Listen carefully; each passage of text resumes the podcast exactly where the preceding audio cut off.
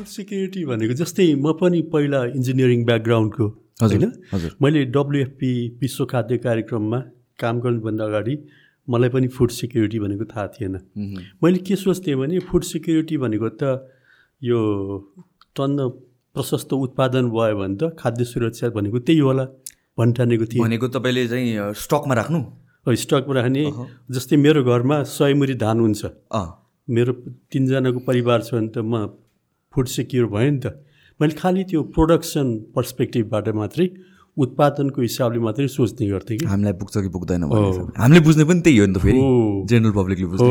नेपालमा यसमा यसबारेमा धेरै मिसकन्सेप्सन छ। ओके जस्तै सिङ्गापुर भनौँ न सिङ्गापुरमा त फुड त एकदमै कम उत्पादन हुन्छ। होइन? उनीहरूले चाहिने अधिकांश खानेकुराहरू इम्पोर्ट गर्छन्। तर उनीहरू फुड इन्सिक्योर छैनन् खाद्य असुरक्षित छैनन्। किनभने उनीहरूसँग सामर्थ्य छ इकोनोमिक आर्थिक पहुँच छ त्यसैले उनीहरूले एकदम राम्रो राम्रो संसारको क्वालिटी फुडहरू किनेर खान सक्छन्। सो सिङ्गापुरमा प्रोडक्सन खासै हुँदैन? खसै हुँदैन एकदमै कम। किनभने ज उनीहरूको जग्गा जमिनै कम छ एकदमै अर्बनाइज। सोसाइटी होइन? म दुईवटा कन्ट्रास्ट तपाईँलाई देखाउँछु। हजुर हजुर। सिङ्गापुर त्यस्तो छ जबकि उनीहरूको उत्पादन एकदम कम छ तर मान्छेहरू एकदम स्वस्थ छन् हेल्दी छन् राम्रो खाना खाएका छन् फुड सिक्योर छन्। हजुर। अर्कोतिर पाकिस्तान जहाँ मैले साढे चार वर्ष काम गरेँ त्यो पाकिस्तानमा यति धेरै गहुँ उत्पादन हुन्छ कि पाकिस्तान चाहिँ संसारमा गहुँ एक्सपोर्ट गर्ने मेजर कन्ट्रीहरूमध्येमा पर्छ। अहिले पनि? अहिले पनि। तर त्यहाँको मा- मानिसहरू हामीले अध्ययन गर्दाखेरि चालिसदेखि पचास प्रतिशत मान्छेहरू फुड इन्सिक्योर छन्। सो भनेपछि बिलो पोभर्टी भन्न मिल्छ त्यसलाई ढिलो पोभर्टी होइन कि उनीहरूले पर्याप्त रूपमा पोषणयुक्त खाना खान पाएको छैनन्। ओके क्वालिटीको पनि कुरा आयो त्यसो क्वालिटी ओके त्यहाँ कारण के भयो भन्दाखेरि प्रशस्त उत्पादन भए पनि त्यो गरिबको भान्सामा त्यो पुग्छ कि पुग्दैन? कुरा त्यो छ। हुँ, ठुल्ठुलो जमिनदारहरूले उत्पादन गर्छन् त्यो बजारमा जान्छ एक्सपोर्ट हुन्छ ठुलो धेरै पैसा कमाउँछन् तर धेरै मानिसहरू त्यहाँ के छन् भने सुकुम्बासी छन् ल्यान्डलेस छन्। उनीहरूको जग्गा जमिनै छैन अनि किनेर खानु पनि सक्दैनन्।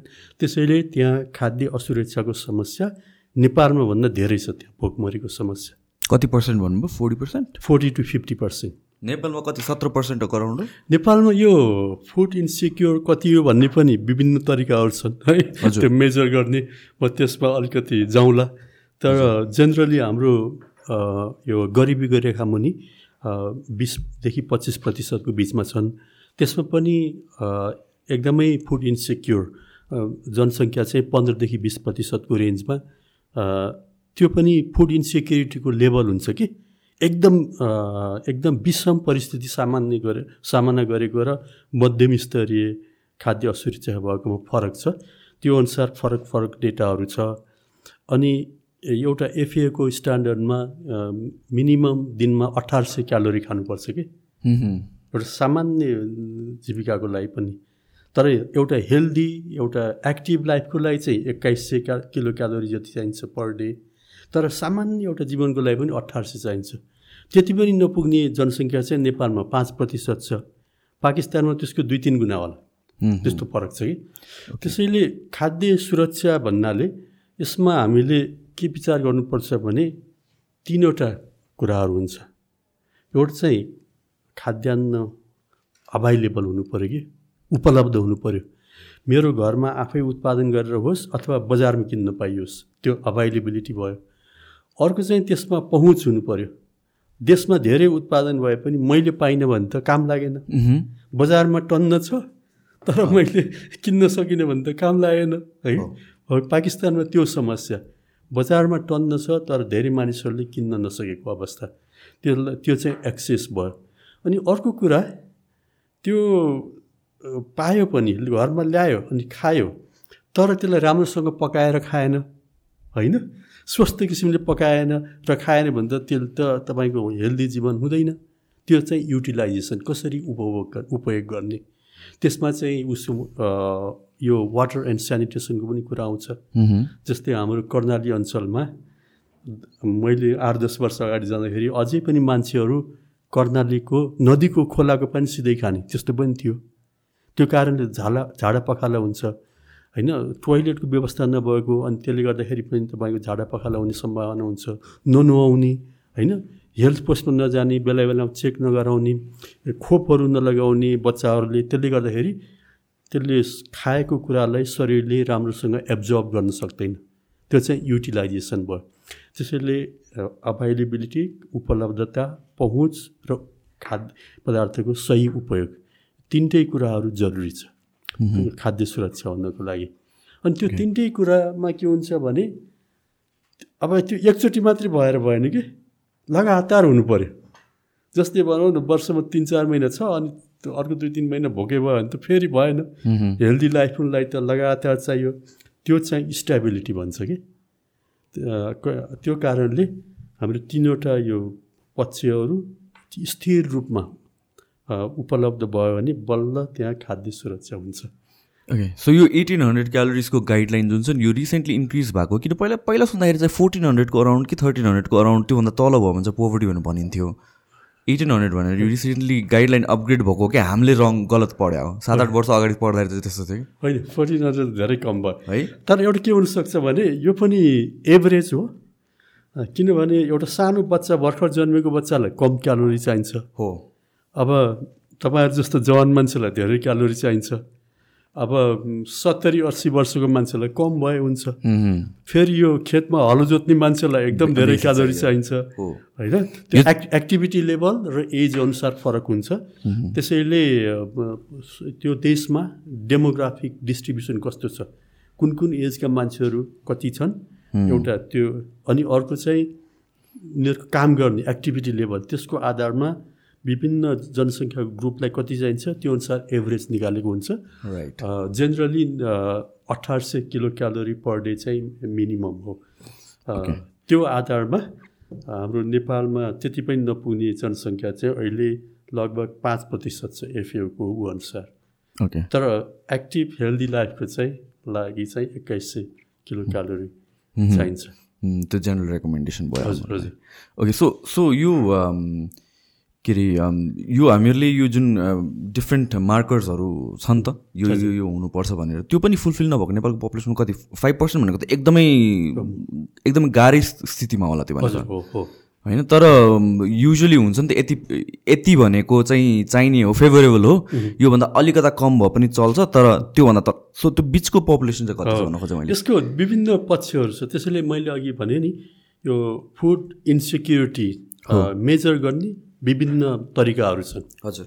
किनभने यो अब कसैको हाइट कति छ पाँच फिट तिन इन्च छ भने जस्तो त होइन। होइन है? यो चाहिँ एउटा फुड सेक्युरिटी डिफाइन गर्दा चाहिँ कस्तो भनिन्छ भने कुनै पनि जनसङ्ख्या यस्तो फुड सिक्योर जब मानिन्छ त्यस ठाउँमा प्रत्येक परिवारले पर्याप्त मात्रामा कल्चरली अप्रोप्रिएट फेरि।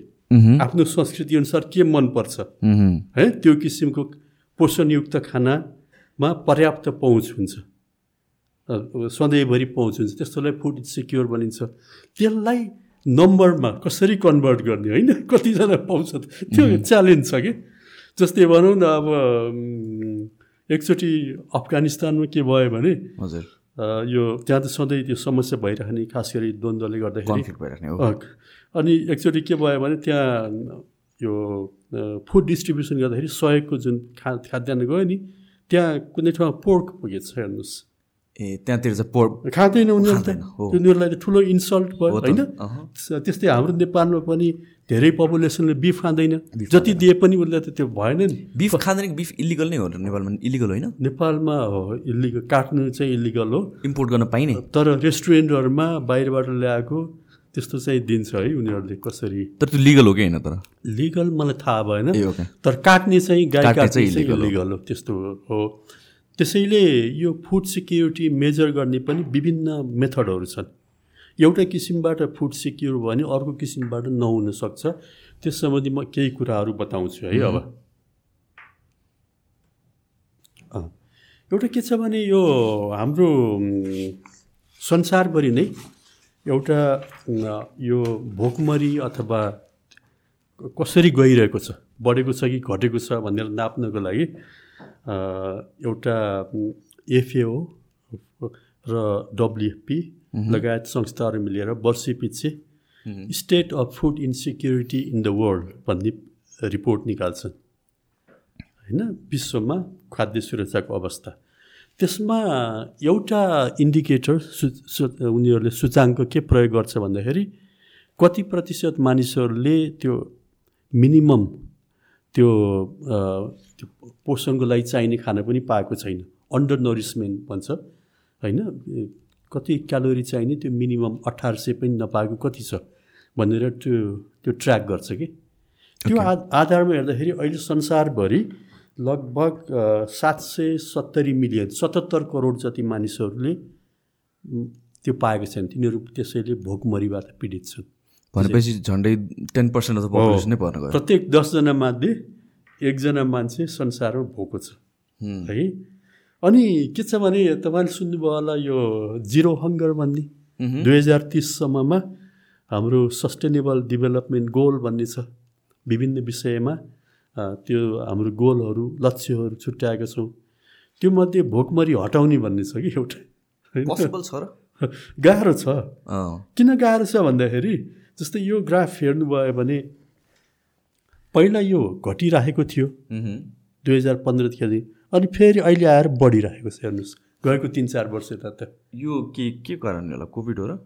विभिन्न कारणहरू छ। एउटा कोभिड पनि हो अर्को चाहिँ अब विभिन्न देशहरूमा कन्फ्लिक्टको कारणले पनि जति पनि द्वन्द्वग्रस्त लडाइँ भएको ठाउँहरू हेर्नुहोस् त्यहाँ भोगमरी बढिरहेको छ।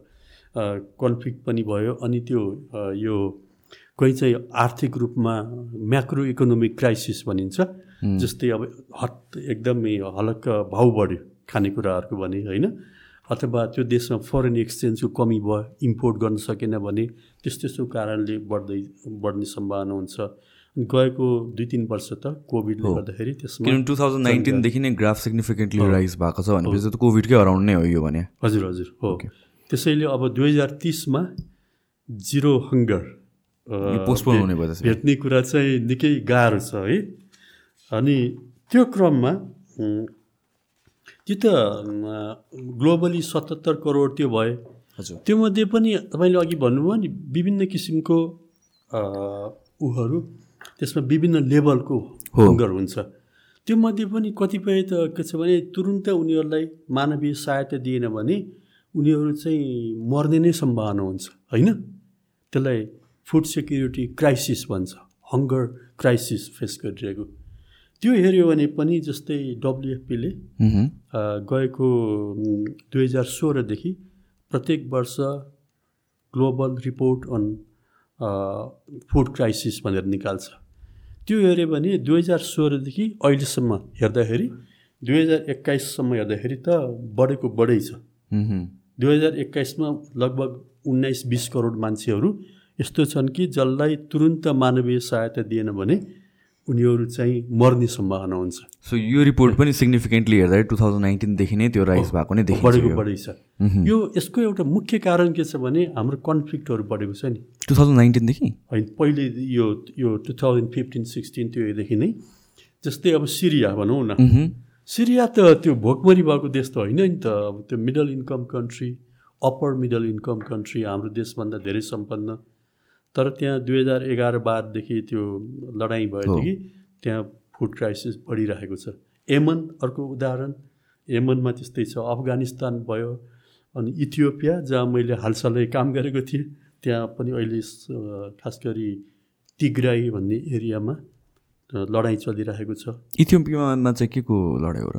त्यो खासमा चाहिँ त्यहाँ विभिन्न इथनिसिटीहरू जातीय समूहहरू छन् अनि त्यस्तो किसिमको त्यहाँ सङ्घीय व्यवस्था छ विभिन्न प्रोभिन्सहरूमा त्यो तिग्राई भन्ने प्रोभिन्स एक किसिमको जातीय समूह छ उनीहरूको प्रोभिन्सियल प्रान्तीय सरकार र केन्द्रीय सरकारको बिचमा पावरको बारेमा लडाइँ भएको ओके तर त्यसले गर्दाखेरि दुर्भाग्यवश त्यहाँ अब पोहोर साल त अनिकाल भन्छ नि फ्यामिन पोहोर सालदेखि त्यस्तो सिचुएसन पनि भयो।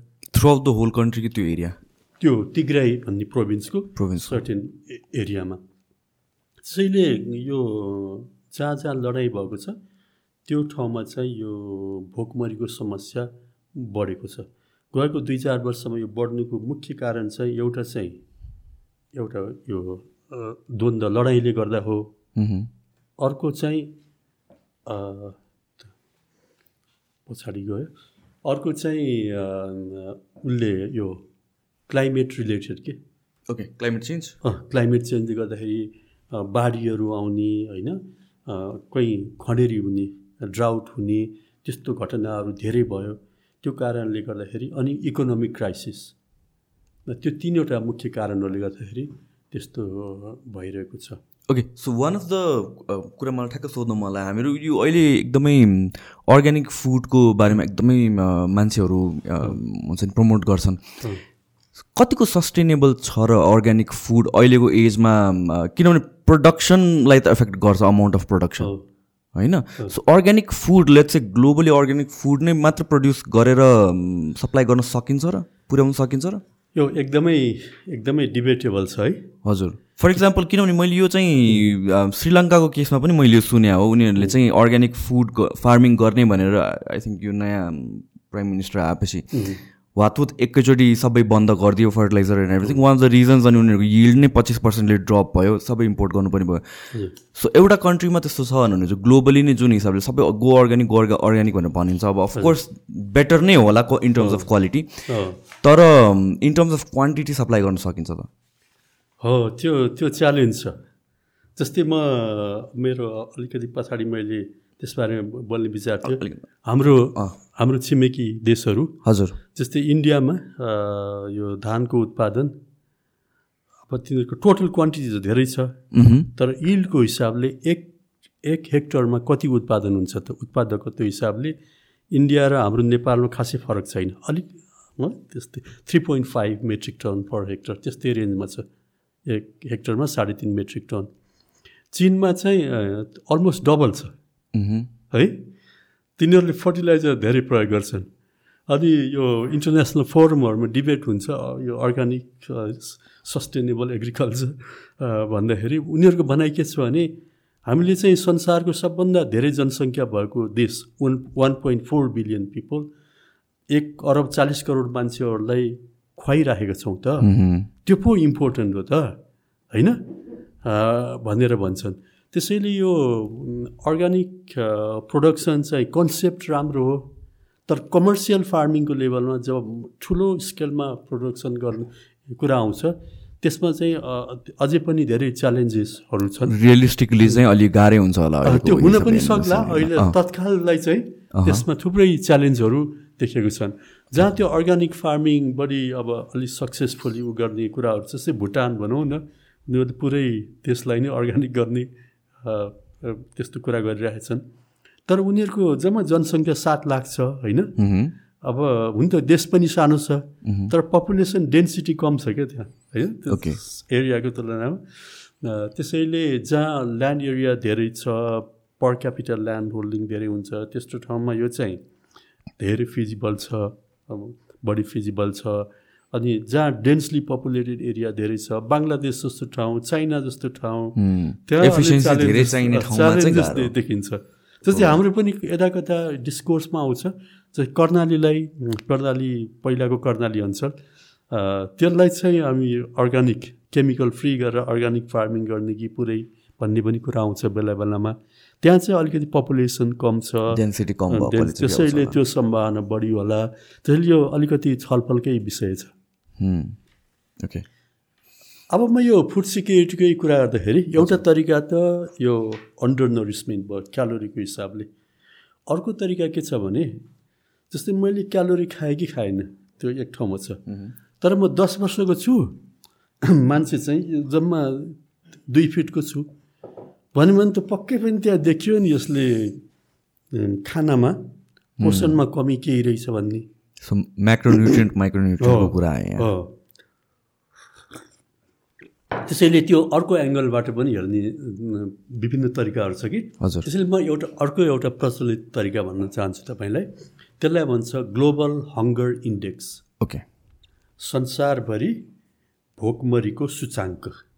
यसले चाहिँ एउटै तरिकाले संसारभरिका देशहरूलाई कम्पेयर गर्छ कि वर्षपछि।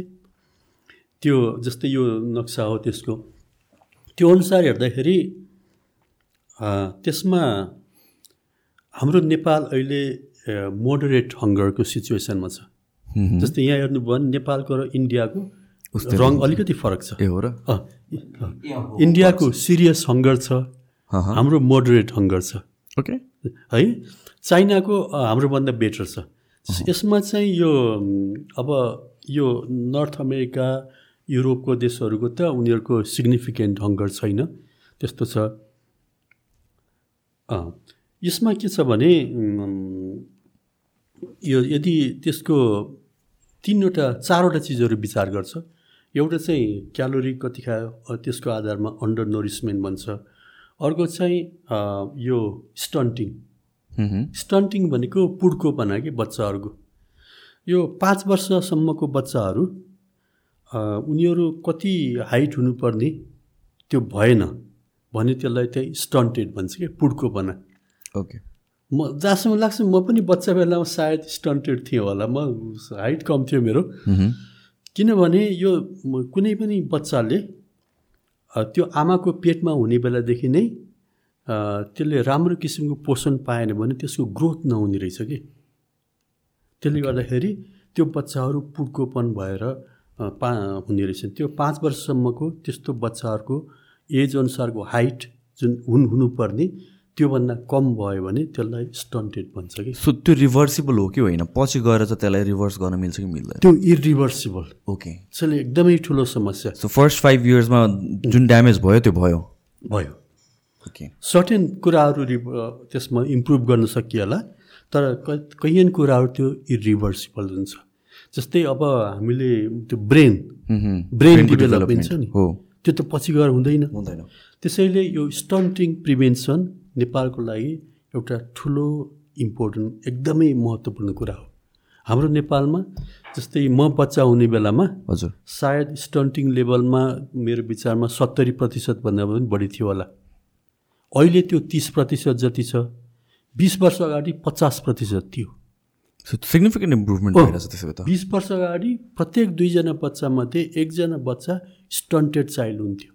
स्टन्टेड चाइल्ड भएपछि त्यसको ओभरअल त्यो मेन्टल डेभलपमेन्ट नै उसको रिटायर्ड स्लो भएको हुनाले त्यसले पछिसम्म उसको जीवनभर त्यसलाई असर गर्छ। त्यसले होल देशको विकासलाई नै असर गर्छ। त्यो कारणले स्टन्टिङ प्रिभेन्सन एकदम इम्पोर्टेन्ट हो। तर यो फेरि छिटै हुँदैन फेरि है? यसलाई धेरै मिहिनेत गर्नुपर्छ. है? किनभने स्टन्टिङ धेरै कुराहरू भर पर्छ पहिला हामीलाई के थियो भने जस्तै अझै पनि छ गाउँघरमा टन्न भात खानु पायो भने पुग्यो. होइन? तर त्यसले त क्यालोरी मात्रै दिन्छ नि। कार्बोहाइड्रेट मात्र कार्बोहाइड्रेट मात्रै दिन्छ। तपाईँलाई प्रोटिन चाहियो भाइटामिन चाहियो यो माइक्रोन्युट्रियन्ट्सहरू चाहियो। त्यो चाहिँ ओभरअल डेभलपमेन्टको लागि एकदम एसेन्सियल हुने रहेछ। त्यसले त्यो कार्बोहाइड्रेटले मात्रै स्टन्टिङ प्रिभेन्ट हुँदैन। त्यसैले यसको लागि होल हामी भन्छौँ लाइफ साइकल अप्रोच लिनुपर्छ कि। पुरा जीवनचक्र। जस्तो कि हामीहरूको अब प्रायः नेपालीले खाने फुड भनेको त्यही दाल भात त हो नि त। होइन त्यसमा त हामीहरूको मोस्टली हाई इन कार्बोहाइड्रेट छ टु सम एक्सटेन्ट फ्याट छ प्रोटिन चाहिँ अलिक कम नै हुन्छ युजली दालमा प्रोटिन हुन्छ। हो हुन्छ। तर गरिब मान्छेहरूले दाल पनि कम खाने होइन? बढी चाहिँ भात खाने। मैले त गाउँ गाउँमा कस्तो देखेको छु भने एकदम एक टन्न भात राख्यो त्यहाँ अलिकति चटनी चटनी राखेर तरकारी पनि एकदमै कम गरेर त्यसरी खाने।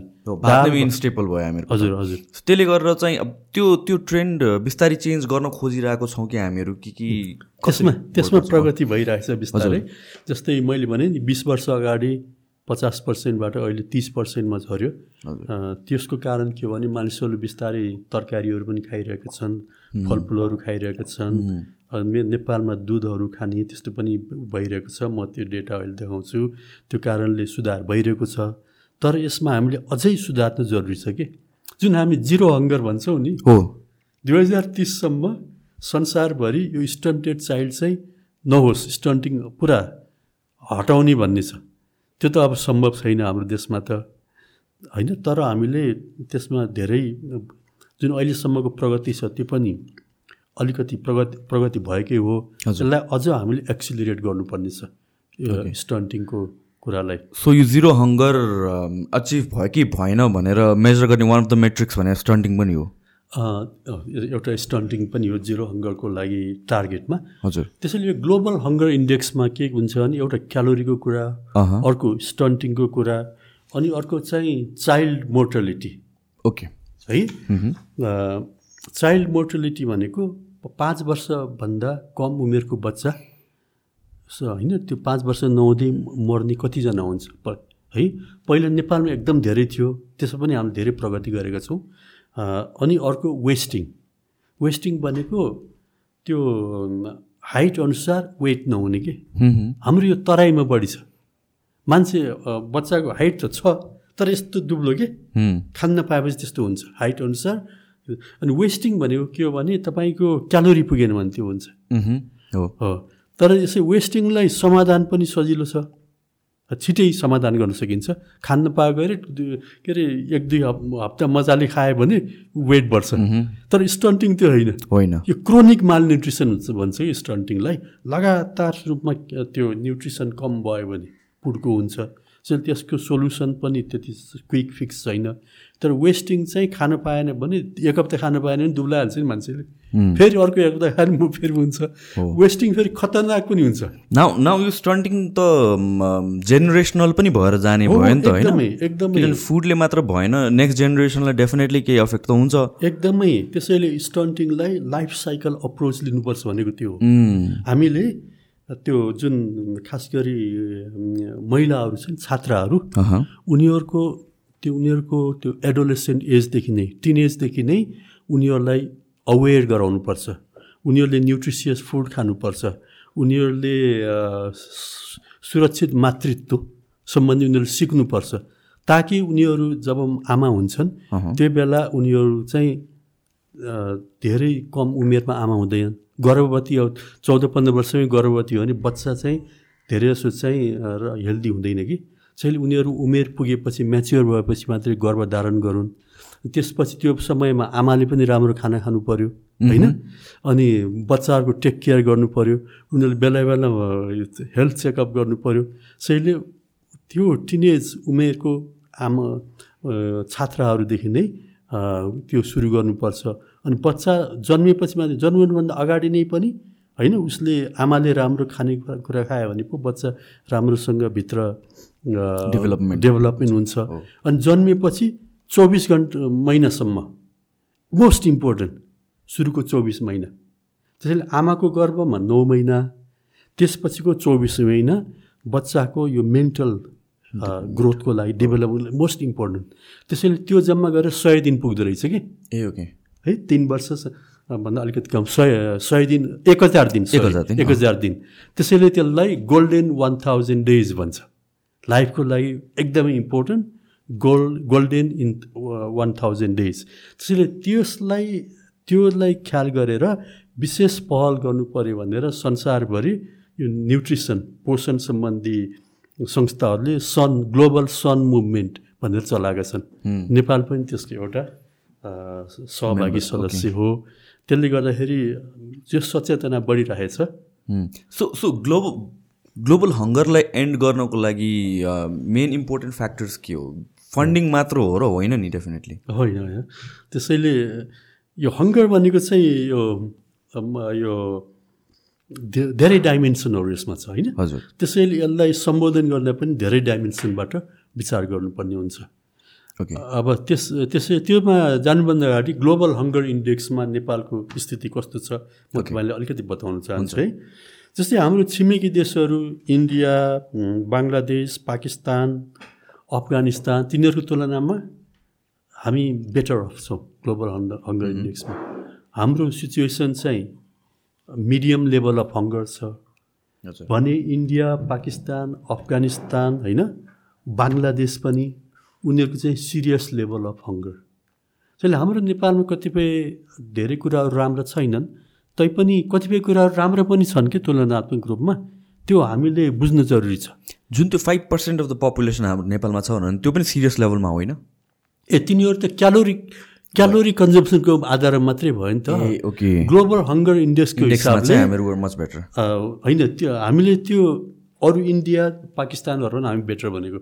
हामी still we have a problem medium level of hunger छ। भर्खरै यो सिरियस लेभल अफ हङ्गरबाट ग्रेजुएट गरेको। अलिकति मात्रै त्यसबाट त छौँ। त्यो दुई तिन वर्ष अगाडि मात्रै हामी त्यसबाट यसमा आएको होइन? त्यसैले हाम्रो च्यालेन्ज छ। अलिकति फेरि हाम्रो समस्या हो भने फेरि सिरियसमा जान सक्ला। सो यो कुराहरू एभ्री इयर नै डेटा स्टडी गरिन्छ हो हो। एभ्री इयर उनीहरूले निकाल्छ। सो यो जुन यो कोभिडले गरेर चाहिँ हामीहरूलाई त्यसरी अफेक्ट गरेन? कोभिडले किन भर्खर दुई तिन वर्ष भयो तपाईँले भन्नुभयो हामी माथि चढ्या सो कोभिडले गरेर फेरि पछाडि चाहिँ तानिएको छैन। कोभिडले गर्दाखेरि सिचुएसन अलिकति कम्प्लिकेटेड चाहिँ भएको छ होइन? त्यसैले अब अब नयाँ रिपोर्ट अब यो वर्ष के हुन्छ थाहा छैन आउनु बाँकी छ। अघिल्लो रिपोर्ट अनुसार चाहिँ यहाँसम्म हामी त्यो मिडियम लेभल अफ हङ्गरमै छौँ। तर इन्ट्रेस्टिङ कुरा के भने जस्तै इन्डियाको भनौँ न पर क्यापिटल इन्कम हाम्रोभन्दा डेढ गुणा बढी छ। होइन? पाकिस्तानको पनि बढी छ बङ्गलादेशको पनि बढी छ तर हङ्गरको हिसाबले तिनीहरूभन्दा हाम्रो सिचुएसन राम्रो छ होइन? त्यो चाहिँ के कारण हो त्यसैले त्यसैले यो फुड सिक्युरिटी अथवा भोकमरी भनेको चाहिँ इकोनोमी मात्रै होइन कि? ओके। तपाईँको पर क्यापिटल इन्कम बढ्दैमा मान्छेहरू त्यो फुड सिक्युरिटीको समस्या समाधान हुन्छ भन्ने जरुरी छैन। है? एकदमै ध्यान विचार गर्नुपर्ने कुरा। एउटा सोकल ट्रिकल डाउन अप्रोच भन्छ नि। देशको इकोनोमी राम्रो भयो भने त होइन त्यहाँबाट अलिकति झर्दै झर्दै गएर सबै मान्छे धनी भइहाल्छ नि भन्ने त्यो एउटा स्कुल अफ थट छ नि। त्यसले पछि त काम गर्ला। तर सर्ट रनमा चाहिँ नट नेसेसरीली त्यो मानिसहरूको जीवनस्तर खास गरी सामाजिक स्तर राम्रो हुन्छ भन्ने जरुरी छैन। है त्यसैले हाम्रो नेपालमा के छ भने यो हाम्रो पर क्यापिटल इन्कम कम भए पनि मेरो विचारमा मानिसहरूमा यो ऊहरू बेसिक त्यो फुड सिक्युरिटीलाई चाहिने कुराहरू त्यो धेरै जनताहरूमा तुलनात्मक रूपमा राम्रो छ। त्यो हुनुको कारण के हो? सेल्फ फार्मिङ हो कि के कारण एउटा चाहिँ हाम्रो सब्सिस्टेन्स फार्मिङ छ होइन? हुन त सब्सिस्टेन्स फार्मिङ इकोनोमिकली चाहिँ त्यो त्यति राम्रो होइन। वर्षभरि काम गऱ्यो गऱ्यो आफूले त्यो आफ्नो ज्यालाको हिसाब गऱ्यो भने आफ्नो ज्याला बराबर पनि त्योबाट आउँदैन। तर अर्कोतिर मात्र तर उसले खान त खाएको छ त्यसै कारणले। त्यस्तो छ। अर्को चाहिँ हाम्रो के छ भने यो रेमिटेन्सले पनि काम गरेको छ जस्तो लाग्छ मलाई। विच त्यो काहीँ त्यो राम्रो पनि हो नराम्रो पनि हो। डिपेन्डेन्सी पनि भयो फेरि त्यो त। हो। राम्रो इन द सेन्स द्याट अब पहिला मान्छेहरू पाहाडका मान्छे अधिकांश मान्छेहरू इन्डिया जान्थे होइन? त्यहाँबाट अलिकति दुई चार हजार कमाएर ल्याउँथे होइन? एकदम त्यो थियो। अहिले चाहिँ तिनै मान्छेहरू अरबतिर मलेसियातिर जाने भएको इन्कम अलिक बढेको छ। त्यो कारणले अनि रेमिटेन्सबाट आएको इन्कमहरू धेरै जसो हाम्रो उपभोगमा खर्च भइरहेको छ। त्यो कारणले फुड सिक्युरिटीको सिचुएसन पनि बेटर भइरहेको छ। तर एट द सेम टाइम यसले डिपेन्डेन्सी बढ्यो होइन? यसले यसले हामी हाम्रो भाषामा के भन्छौँ भने फुड सिक्युरिटीको भाषामा भल्नरेबल भयौँ जोखिमता बढ्यो। मानव हाम्रो तिस चालिस लाख होइन युवाहरू विदेशमा छन्। उनीहरू सबै फर्किनु पऱ्यो र रोजगारी यहाँ भएन भने त जोखिम त बढ्यो नि त्यतिको आम्दानी यहाँ आएर गर्न सक्दैनन् भने त होइन? त्यो छ। त्यसैले अब ग्लोबल हङ्गर इन्डेक्सको हिसाबले चाहिँ हामी चाहिँ बेटर भयो त्यही पनि। हामी अब फेरि राम्रो भन्नु खोजेको छैन चाइनाको तुलना गऱ्यो भने त चाइनामा त एकदमै कम छ होइन? त्यसैले यसमा चाहिँ उसले फरक पार्दो रहेछ कि? इकोनोमीको को पर क्यापिटल इन्कम मात्रै नभइकन डिस्ट्रिब्युसन कस्तो छ? ओके। त्यसले पनि फरक पार्दो रहेछ। त्यसैले साउथ एसियाको कन्टेक्स्टमा हामी चाहिँ ग्लोबल हङ्गर इन्डेक्स हिसाबले तुलनात्मक रूपमा हामी राम्रै छौँ। तर हामीले धेरै गर्नुपर्ने छ जस्तै चाइनाको तुलनामा हामी धेरै पछाडि छौँ। Okay so economically point of भ्यूबाट पनि हेर्दाखेरि हामीहरूको चाहिँ जुन जिडिपी छ त्यो मोरलेस अलि इभनली डिस्ट्रिब्युटेड छ देन अदर कन्ट्रिज त्यही हो। Then some some other then some other countries okay त्यसैले अब अन्डर नरिसमेन्टमा हेऱ्यौँ भने जस्तै क्यालोरी कम पाउने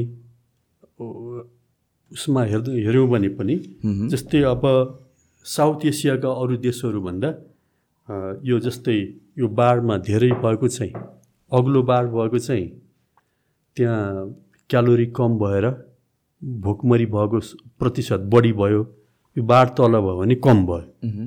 जस्तै अब नेपालमा यो पाँच प्रतिशत जति छ होइन? त्यही कुरा अब भारत पाकिस्तान भारतमा पन्ध्र प्रतिशत जति रहेछ होइन? बङ्गलादेशमा पनि बढी छ पाकिस्तानमा पनि तेह्र प्रतिशत जति छ। तर अर्कोतिर चाइनामा हेर्नुभयो भने हाम्रोभन्दा पनि धेरै कम छ। त्यसैले हामी यस यो इन्डिकेटरमा पनि हामी दक्षिण एसियामा चाहिँ रिलेटिभली चाइनाभन्दा पछाडि सेकेन्डमा हामी छौँ त्यसो भए दक्षिण एसियामा रिलेटिभली हामी बेटर छौँ। तर चाइनाभन्दा हामी पछा धेरै नै पछाडि छौँ।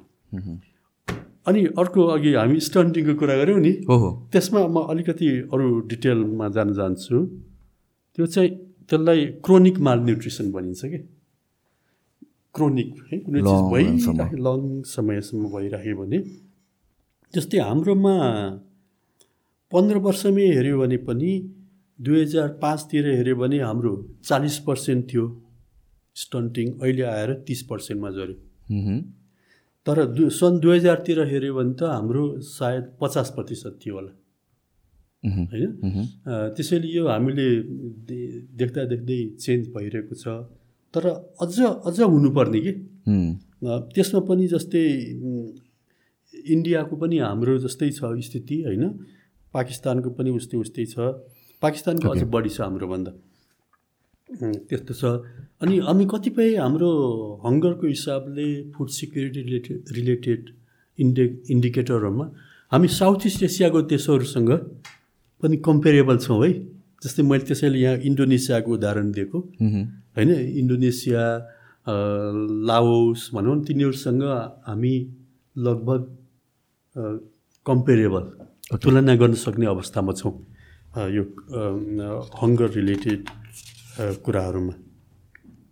ओके सो यो अहिले अब अहिले अघि हामी कुरा गरेर आएको थियौँ जुन यो ग्लोबल फुड सर्टेजेसको कुराहरू आइरहेको छ है मैले one one and half month अगाडिदेखि नोटिस गर्न थालेँ हो। म सुरुमा सिरियसली पनि लिएको थिएन बट अहिले recently I think last week हो कति कहिलेदेखि कहिले चाहिँ युएनले नै भने टु थाउजन्ड ट्वेन्टी टूको एन्डतिर या ट्वेन्टी ट्वेन्टी थ्रीको स्टार्टिङतिर चाहिँ एउटा ग्लोबल के अरे फुड सर्टेजेस चाहिँ हामी फेस गर्छौँ भनेर। त्यसमा कतिको ट्रुथ छ र के कारणले भइरहेको छ ग्लोबल फुड सर्टेज त अब इट्स रियल इट्स ह्यापनिङ भइराखेको छ। किनभने अहिले अहिले हाम्रो यो डब्लुएफपीले एउटा उनीहरूको मेजर मेजर उनीहरूको इफोर्ट ग्लोबल लेभलमा के छ भने युक्रेन र रसियासँग नेगोसिएट गरेर जुन युक्रेनबाट गहुँहरू बाहिर एक्सपोर्ट हुन्थ्यो नि त्यो चाहिँ कन्टिन्यू होस्। त्यो नरोकियोस् भनेर डब्लुएफपीले एकदमै प्रयास गरिरहेको छ। अपिल गरेर आएको थियो तर इट्स फेलिङ भनेर मैले सुनेको थिएँ। त्यो अब अन्डर डिस्कसन नै छ किनभने डब्लुएफपीको एउटा एडभान्टेज के छ भने अब म पनि अस्ति पोहोर सालसम्म काम गर्दाखेरि एकदम एकदमै लडाइँ भएको ठाउँहरूमा पनि डब्लुएफपीले एक्सेस पाउँछ कि? जस्तै नेपालमा भनौँ नेपालमा हाम्रो माओवादी द्वन्द्व द्वन्द्व भएको बेलामा पनि यो दुर्गम ठाउँहरू रोल्पा रुकुम हुम्ला भन्नु त्यस्तो ठाउँहरूमा अरू कुनै संस्थाहरू जानै नसक्ने बेलामा पनि डब्लुएफपी जान सक्थ्यो। किनभने डब्लुएफपीले चाहिँ एउटा यो चाहिँ मानवीय रूपमा पनि मान्छेहरूलाई भोकै नहुन्। होइन भोक भोगी रहेर म मस्ने मर्ने स्थिति त आउनु दिनु भएन। त्यसैले उनीहरूलाई खानाहरू पुर्याउनु पऱ्यो भन्ने कुरामा सबैको सहमति हुने रहेछ कि? अथवा भित्रभित्र न मन नपरे पनि एटलिस्ट विरोध गर्दैनन् एउटा ह्युमेनिटीको ह्युमेनिटी जस्तै रेड क्रस भनौँ न रेड क्रस जहाँ पनि पुग्छ। त्यसै डब्लुएफपी पनि धेरै जस्तो ठाउँमा जहाँ पनि पुगिरहेको छ सिरियामा भयो अस्ति इथियोपियाको लडाइँमा भयो युक्रेनमा पनि यहीँ नेपालमै काम गर्ने साथी पनि मैले हिजो एकजना भेटेँ। डब्लुएफपीबाट त्यहाँ युक्रेनमा काजमा जाँदै हुनुहुँदो रहेछ है। त्यसैले उनीहरूलाई त्यो पहुँच हुन्छ। त्यो क्रममा नेगोसिएट भइरहेको छ। त्यसैले त्यो फुड एउटा सर्टेज ग्लोबल फुड सप्लाई चेनमा असर परिरहेको कुरा चाहिँ रियल हो। किन किनभने उनीहरूले जुन अन्तर्राष्ट्रिय बजारमा गहुँ जान्छ। त्यसको पच्चिस तिस पर्सेन्ट त्यहीँबाट जाने हुनाले त्यसले चाहिँ इन्टरनेसनल मार्केटमा ठुलो असर परिरहेको छ। सो यो सप्लाई चेनको प्रब्लम मात्र हो कि प्रडक्सनको पनि प्रब्लम भयो बिकज अफ द वार युक्रेनमा अब प्रोडक्सन भएको अहिलेको प्रब्लम चाहिँ प्रोडक्सन भएको चिज पनि सप्लाई नभएको। सप्लाई हुन पाएको छैन। अब यो वार कन्टिन्यू हुँदै जाँदाखेरि प्रोडक्सनको पनि प्रब्लम हुनसक्छ अहिलेसम्मको चाहिँ यो मात्र चेनकै। हजुर। त्यसले गर्दाखेरि प्राइस राइज भयो अनि प्राइस राइज पनि ऱ्यापिड भएको छ है। हो। जस्तै उदाहरणको लागि जनवरी दुई हजार एक्काइसको तुलनामा अहिले कुरा गऱ्यो भने यो एग्रिकल्चर प्राइस इन्डेक्स भनेर एउटा इन्डेक्स छ। त्यो अनुसार चाहिँ बयालिस पर्सेन्ट इन्टरनेसनल मार्केट वान इयरमै वान इयरमै त्यस्तो बढेको छ है। त्यसैले यो एउटा ठुलो प्रब्लम भइरहेको छ। सो यसको मेन मेन रिजन भनेको चाहिँ फ्याक्टर भनेको फ्युलको प्राइस राइज हुनु हो र ट्रान्सपोर्टेसनले गरेर? एउटा फ्युल प्राइस राइज भयो। अर्को चाहिँ फ्युल नै नपाउने प्राइ फ्युलको प्राइस राइज हुने त्यसले गर्दा ट्रान्सपोर्टेसन कस्ट बढ्यो। अर्कोतिर यो विटको सप्लाई सर्टेज भएको हुनाले त्यो ग्रेनकै प्राइस पनि बढी भयो। ओके सो फर इक्जाम्पल अघि हामीले डिस्कस गरिरहेको थियो यो जस्तो कि इन्डियामा पनि उनीहरूले स्टक गर्न लागेको गर्न लागेको चाहिँ के हो? जस्तो कि चिनी एक्सपोर्ट नगर्ने भनेर मैले रिसेन्टली पढाए जस्तो लागेको त इन्डियाले हजुर। त्यो पनि आउन सक्छ तर उनीहरूले अफिसियली अनाउन्स अनाउन्स गरेको चाहिँ यो गहुँ चाहिँ एक्सपोर्ट नगर्ने अब। विट एक्सपोर्ट नगर्ने। नगर्ने। हाम्रोमा यहाँ विट कहाँबाट आउँछ? हाम्रो त अभियसली इन्डियाबाटै आउँ इन्डियाबाटै आउँछ। भनेपछि यहाँ पनि इफेक्ट हुन्छ अब। इफेक्ट हुनसक्छ। तत्काल भइसकेको छैन किनभने हाम्रो अघि चैत वैशाखमा हाम्रो गाउँको बाली थन्क्याएको। त अहिले छ। तर अब केही समयपछि त्यसको असर हुनसक्छ। तर त्यसमा अब अब द्विपक्षीय रूपमा सरकारहरूले कुरा गरेर होइन जी टु जी भन्छ होइन गभर्मेन्ट टु गभर्मेन्ट गभर्मेन्ट लेभलमा केही अरेन्ज गऱ्यो भने हुनसक्छ कि तर त्यसको असर चाहिँ हाम्रोमा पनि पर्छ। यस्तोमा के हुन्छ भने यो चेन इफेक्ट हुन्छ कि? अब एउटा देशले गर्यो भने अर्कोले पनि ब्यान गर्न सक्छ त्यसै कारणले अर्कोले पनि ब्यान गर्न सक्छ किनभने सबै देशहरूले आफ्नो आफ्नो जनताको बारेमा बढी ख्याल गर्छन् नि।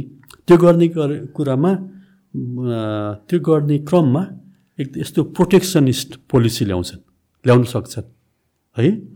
त्यसले गर्दाखेरि के हुन्छ भने पछि गएर कसैले पनि फाइदा नहुने हुन्छ। इन्डियाले पनि कुनै चिज इम्पोर्ट गर्ला होइन? अर्को देशले फेरि एक्सपोर्ट ब्यान गर्ला। गर्दाखेरि नो बडी विन्स अब एउ एउटा अर्ग्युमेन्ट यस्तो छ है त्यसैले यो चाहिँ गर्नु हुँदैन भन्ने छ। खास गरी यो अन्तर्राष्ट्रिय संस्थाहरू एफएओ डब्लुएफपी लगायतका संस्थाहरूले त्यो कुरा त्यसरी यसलाई त्यस्तो न्यारेटिभ हुन्छ उनीहरूको भने अब सम्बन्धित देशले के गर्छ भने होइन यो त हाम्रो देशको फर्स्ट हाम्रो प्रायोरिटी नै हाम्रो जनता हो भनेर भन्छन्। त्यसले अगाडि पनि भएको थियो जस्तै अब दुई हजार सात आठतिर ग्लोबल फुड प्राइस एकदम बढेको थियो। ग्लोबली एकदमै हाइक भएर ठुलो समस्या भएको थियो। यो इकोनोमिक क्राइसिसको बेलाको? हजुर हजुर हो त्यो बेला पनि यो यो डिस्कोर्स त्यो डिबेट आएको थियो। बेला बेलामा जब प्रब्लम पर्छ नि यस्तो कुराहरू आउँछ। त्यसैले म योसँग सम्बन्धित अर्को कुरा जोड्न चाहन्छु। एउटा फुड सोभरेन्टी भन्ने कन्सेप्ट छ कि। जस्तै अब हामी धनी नै भए पनि हामी किन्न सक्छौँ भने पनि फुर्ती गरेर बस्ने होइन। सर्टेन प्रोडक्सन आफूले गर्नुपर्छ। एकदम। है? खा यो खाद्य सम्प्रभुता भनिन्छ त्यसलाई। ताकि अब त्यस्तो अप्ठ्यारो परेको ठाउँमा अरू देशहरूले यो निर्यातमा प्रतिबन्ध लगाएको खण्डमा पनि आफू चाहिँ सर्भाइभ गर्न सकियोस् बाँच्न सकियोस्। त्यसैले हाम हामीले चाहिँ आफ्नो देशमा चाहिने आवश्यक वस्तुहरू जुन अत्यावश्यक छ तिनीहरू चाहिँ आफैले उत्पादन गर्नुपर्छ भन्ने एउटा खाद्य सम्प्रभुताको एउटा अवधारणा पनि छ। मेरो विचारमा त्यो त्यो हाम्रो जस्तो देशको लागि खास गरी हाम्रो भूपरिवेष्टित देशको लागि त्यो एकदमै ध्यान गर्नु ध्यान दिनुपर्ने या आई थिङ्क यो। एकदमै इम्पोर्टेन्ट कुरा हो। जस्तै कोभिडको बेलामा बेलामा पनि देखियो स्पेसली सुपर पावर्स लाइक अमेरिकामा पनि। जे पनि कुरा चाइनामै बन्छ जे पनि कुरा उता बाहिरबाट इम्पोर्ट गरिन्छ मेडिसिन्स भाइटल मेडिसिन्स पनि बाहिरबाट इम्पोर्ट गरिन्थ्यो। कोभिडको बेलामा के भयो भनेपछि I think most of them realise कि ए हामीहरूको प्रोडक्सन कस्ट इन हाउस गर्न इन इन द कन्ट्री गर्न अलिक मोर एक्सपेन्सिभ भए पनि बेसिक्स चाहिँ हामीले नै गर्नुपर्छ. टु सम एक्सटेन्ट यस्तै सिचुएसन फ्युचरमा आयो भने। हाम्रो कन्टेक्समा हामीहरू क्रप प्रोडक्सन मेजोरिटी यहीँ हुन्छ। हाम्रो खपत हुने। के के छ? डेटा के छ हाम्रो?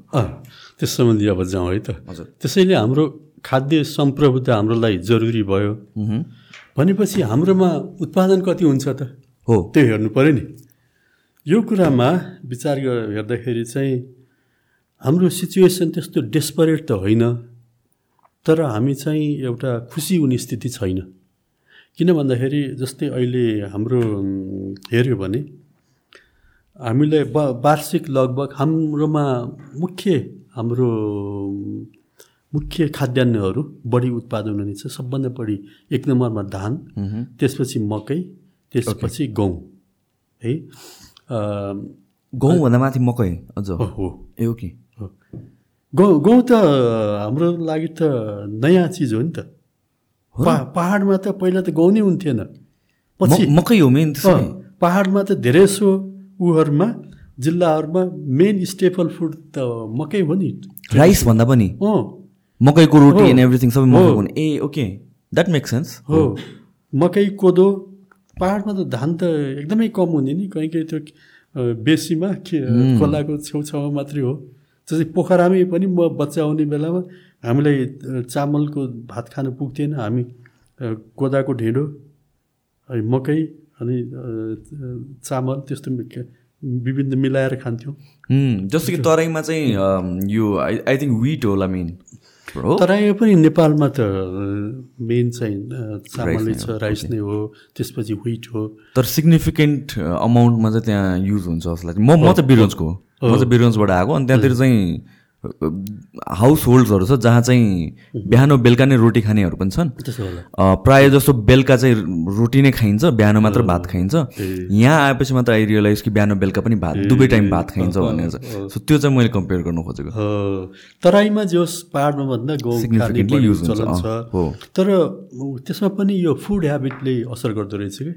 जस्तै इन्डियामा पनि त अब इन्डियामा त हाम्रो तराई जस्तै ठाउँ छ नि धेरै जस्तो ठाउँहरू।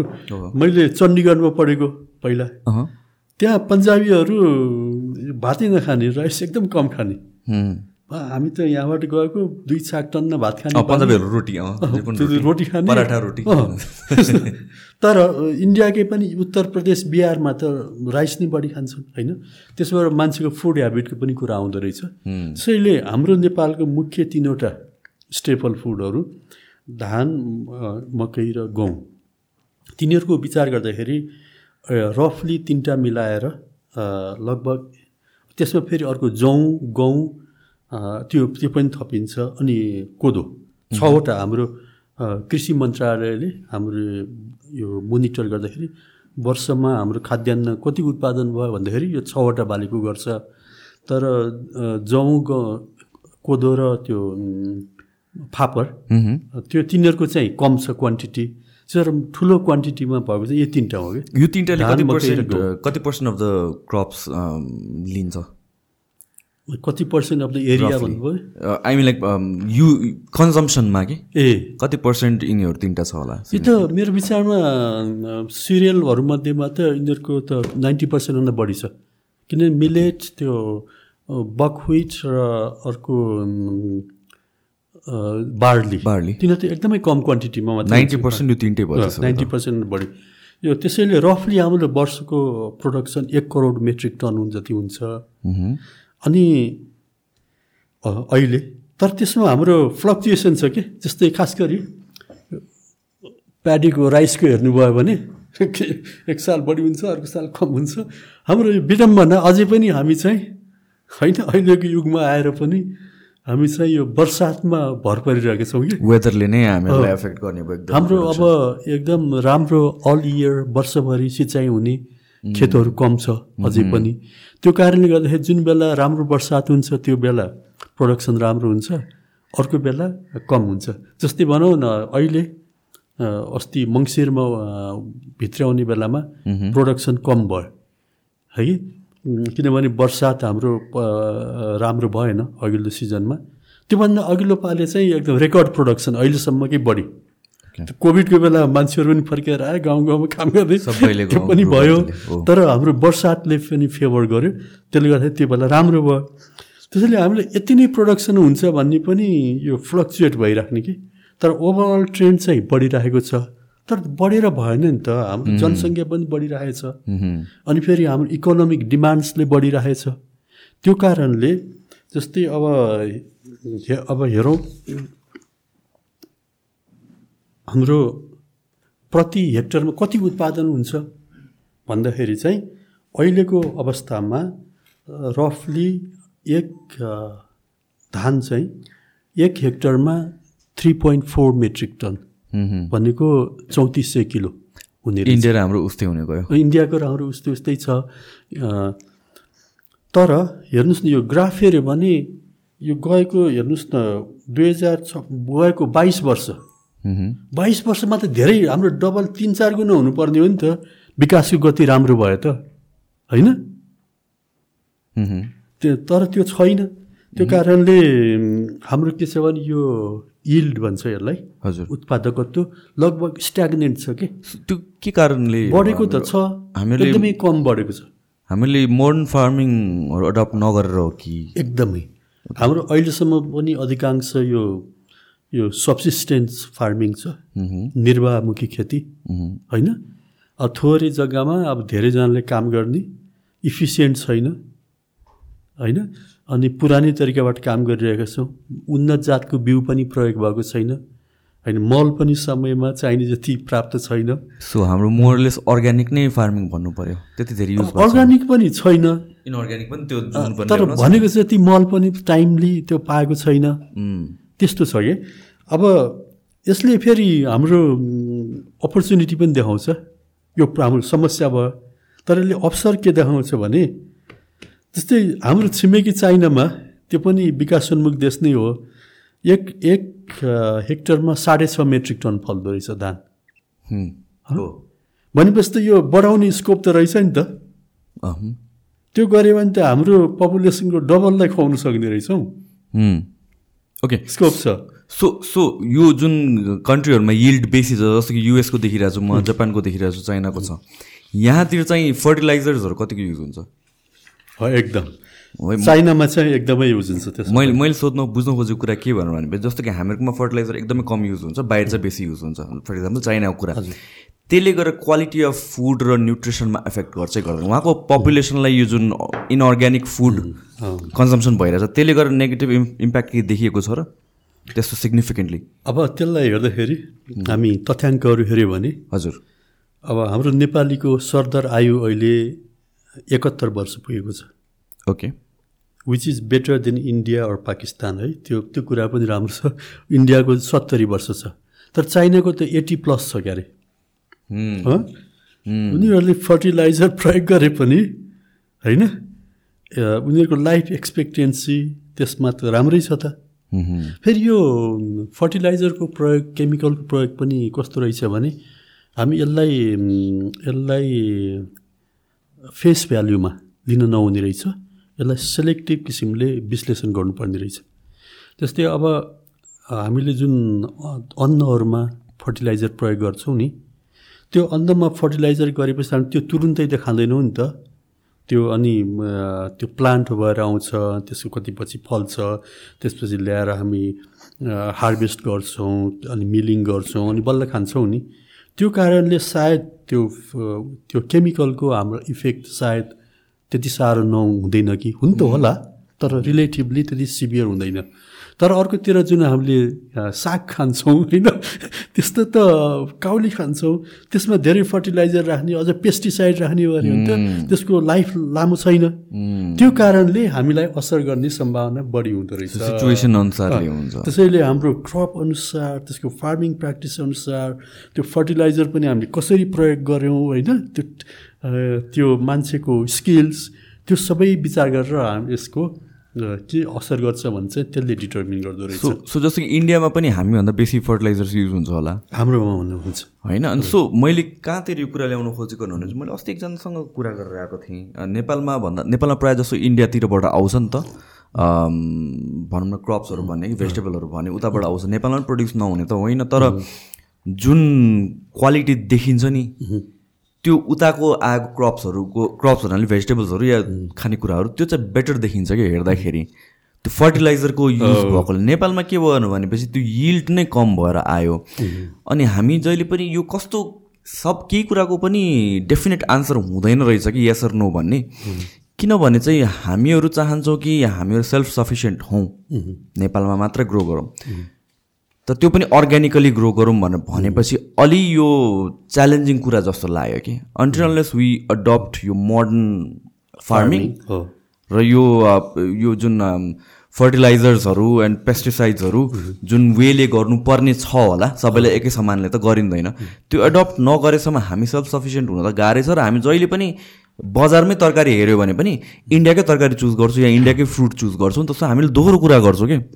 हामीहरू कुरा गर्छौँ नेपालमा प्रड्युस गर्नु पऱ्यो अर्ग्यानिक गर्नु पऱ्यो तर हामीले नै चुज गर्ने बेलामा बाहिरको गर्छौँ र त्यसले गर्दा हामी कहिले पनि सेल्फ सेल्फ सस्टेन नै भएनौँ कि? हो एकदम राम्रो कुरा ल्याउनु भयो। यसमा कतिपय कुराहरू छ के छ भने हामीले पोलिसी लेभलमै एड्रेस गर्नुपर्ने कुराहरू छ सम्बोधन गर्नुपर्ने कुराहरू। जस्तै भनौँ न इन्डियामा अब उनीहरूको इकोनोमी अफ स्केलको कारणले सस्तोपन सस्तोपन जान्छ। अनि फेरि हाइली सब्सिडाइज छ एग्रिकल्चर अनि हाम्रो खुला सिमाना। त्यो कारणले नेपालमा धेरै प्रड्युस गर्ने इन्सेन्टिभ छैन हाम्रो तराईको किसानहरूलाई। एकदम। यो मार्केट यो मार्केट ओपन मार्केटमा डिटरमाइन गर्ने फ्याक्टरहरू यही त हो नि। मेरो त मेरो अस्ति तिन चार हप्ता अगाडि कुरा। मेरो बुवासँग ठुलै डिबेट भएको यो कुरामा? हजुर। मेरो बुवा चाहिँ फेरि एकदमै नेपालको खानुपर्छ नेपालको गर्नुपर्छ यसो भन्ने कुरो हो हामीहरू सबै चाहन्छौँ। तर त्यो इकोनोमी अफ स्केल भन्ने एकदम इम्पोर्टेन्ट फ्याक्टर हो कि हामीले यहीँ बजारमा चामल किन्न गयो भने इन्डियाको चामल या तरकारी किन्न गयो भने इन्डियाको तरकारी सस्तोमा पाउँछ भने हामी नेपालको तरकारी हामी नै खाँदैनौँ। सो सुन्दाखेरि चाहिँ हामीहरूले भन्नु ठिक हो नेपाललाई प्रमोट गर्नुपर्छ गर्नुपर्छ। तर नेपालमा पपुलेसन जुन afford day to day food afford गर्न सकिरहेको छैन उनीहरूले जे सस्तो छ त्यही हेर्छ जे हेर्दैन सो त्यसले गर्दा हामीहरूको लोकल जुन प्रोडक्सन छ त्यो कहिले प्रमोट हुँदै हुँदैन र इकोनोमिक स्केल नभएपछि त्यो लेभलमा पुग्दै पुग्दैनौँ कि हामी। त्यसमा अब दुईवटा पछि छ। एउटा चाहिँ कसैले पनि इन्डिभिजुअल लेभलमा व्यक्तिगत रूपमा निर्णय गर्नु पऱ्यो भने आफूलाई कुन चिज सस्तोमा राम्रो पाइन्छ त्यो आधारमा डिसाइड जेनरली होइन। अर्कोतिर कहिलेकाहीँ के हुन्छ भने यो अवेरनेसको कमीले चेतनाको कमीले पनि हुन्छ। ओके जस्तै चामलहरू भनौँ न। म अब पहिला म यो जापान बसेर नेपाल फर्किँदाखेरि सुरुमा के पाएँ भने यसो दोकानहरूमा चामलहरू किन्न गयो। राम्रो राम्रो चामल भनेको दिल्ली गेट इन्डिया गेट के के भनेर त्यहाँ लेखे हुन्छ होइन? त्यो चाहिँ हेर्दाखेरि फ्यान्सी देखिन्छ। तर त्योभन्दा हाम्रो चामल चाहिँ साँखोको चामल राम्रो छ। सो अनि प्राइस वाइज कस्तो छ? प्राइस वाइज पनि हाम्रो सस्तो छ नि। हाम्रो सस्तो चामलको केसमा हो। हाम्रो कस्तो भयो भने एउटा फेसन जस्तो। अलिकति अलिकति हुने खाने परिवारमा यो बासमती। हो। इन्डियाको यहाँको बासमती डेलिगेट त्यो भनेपछि त्यो राम्रो मानिने।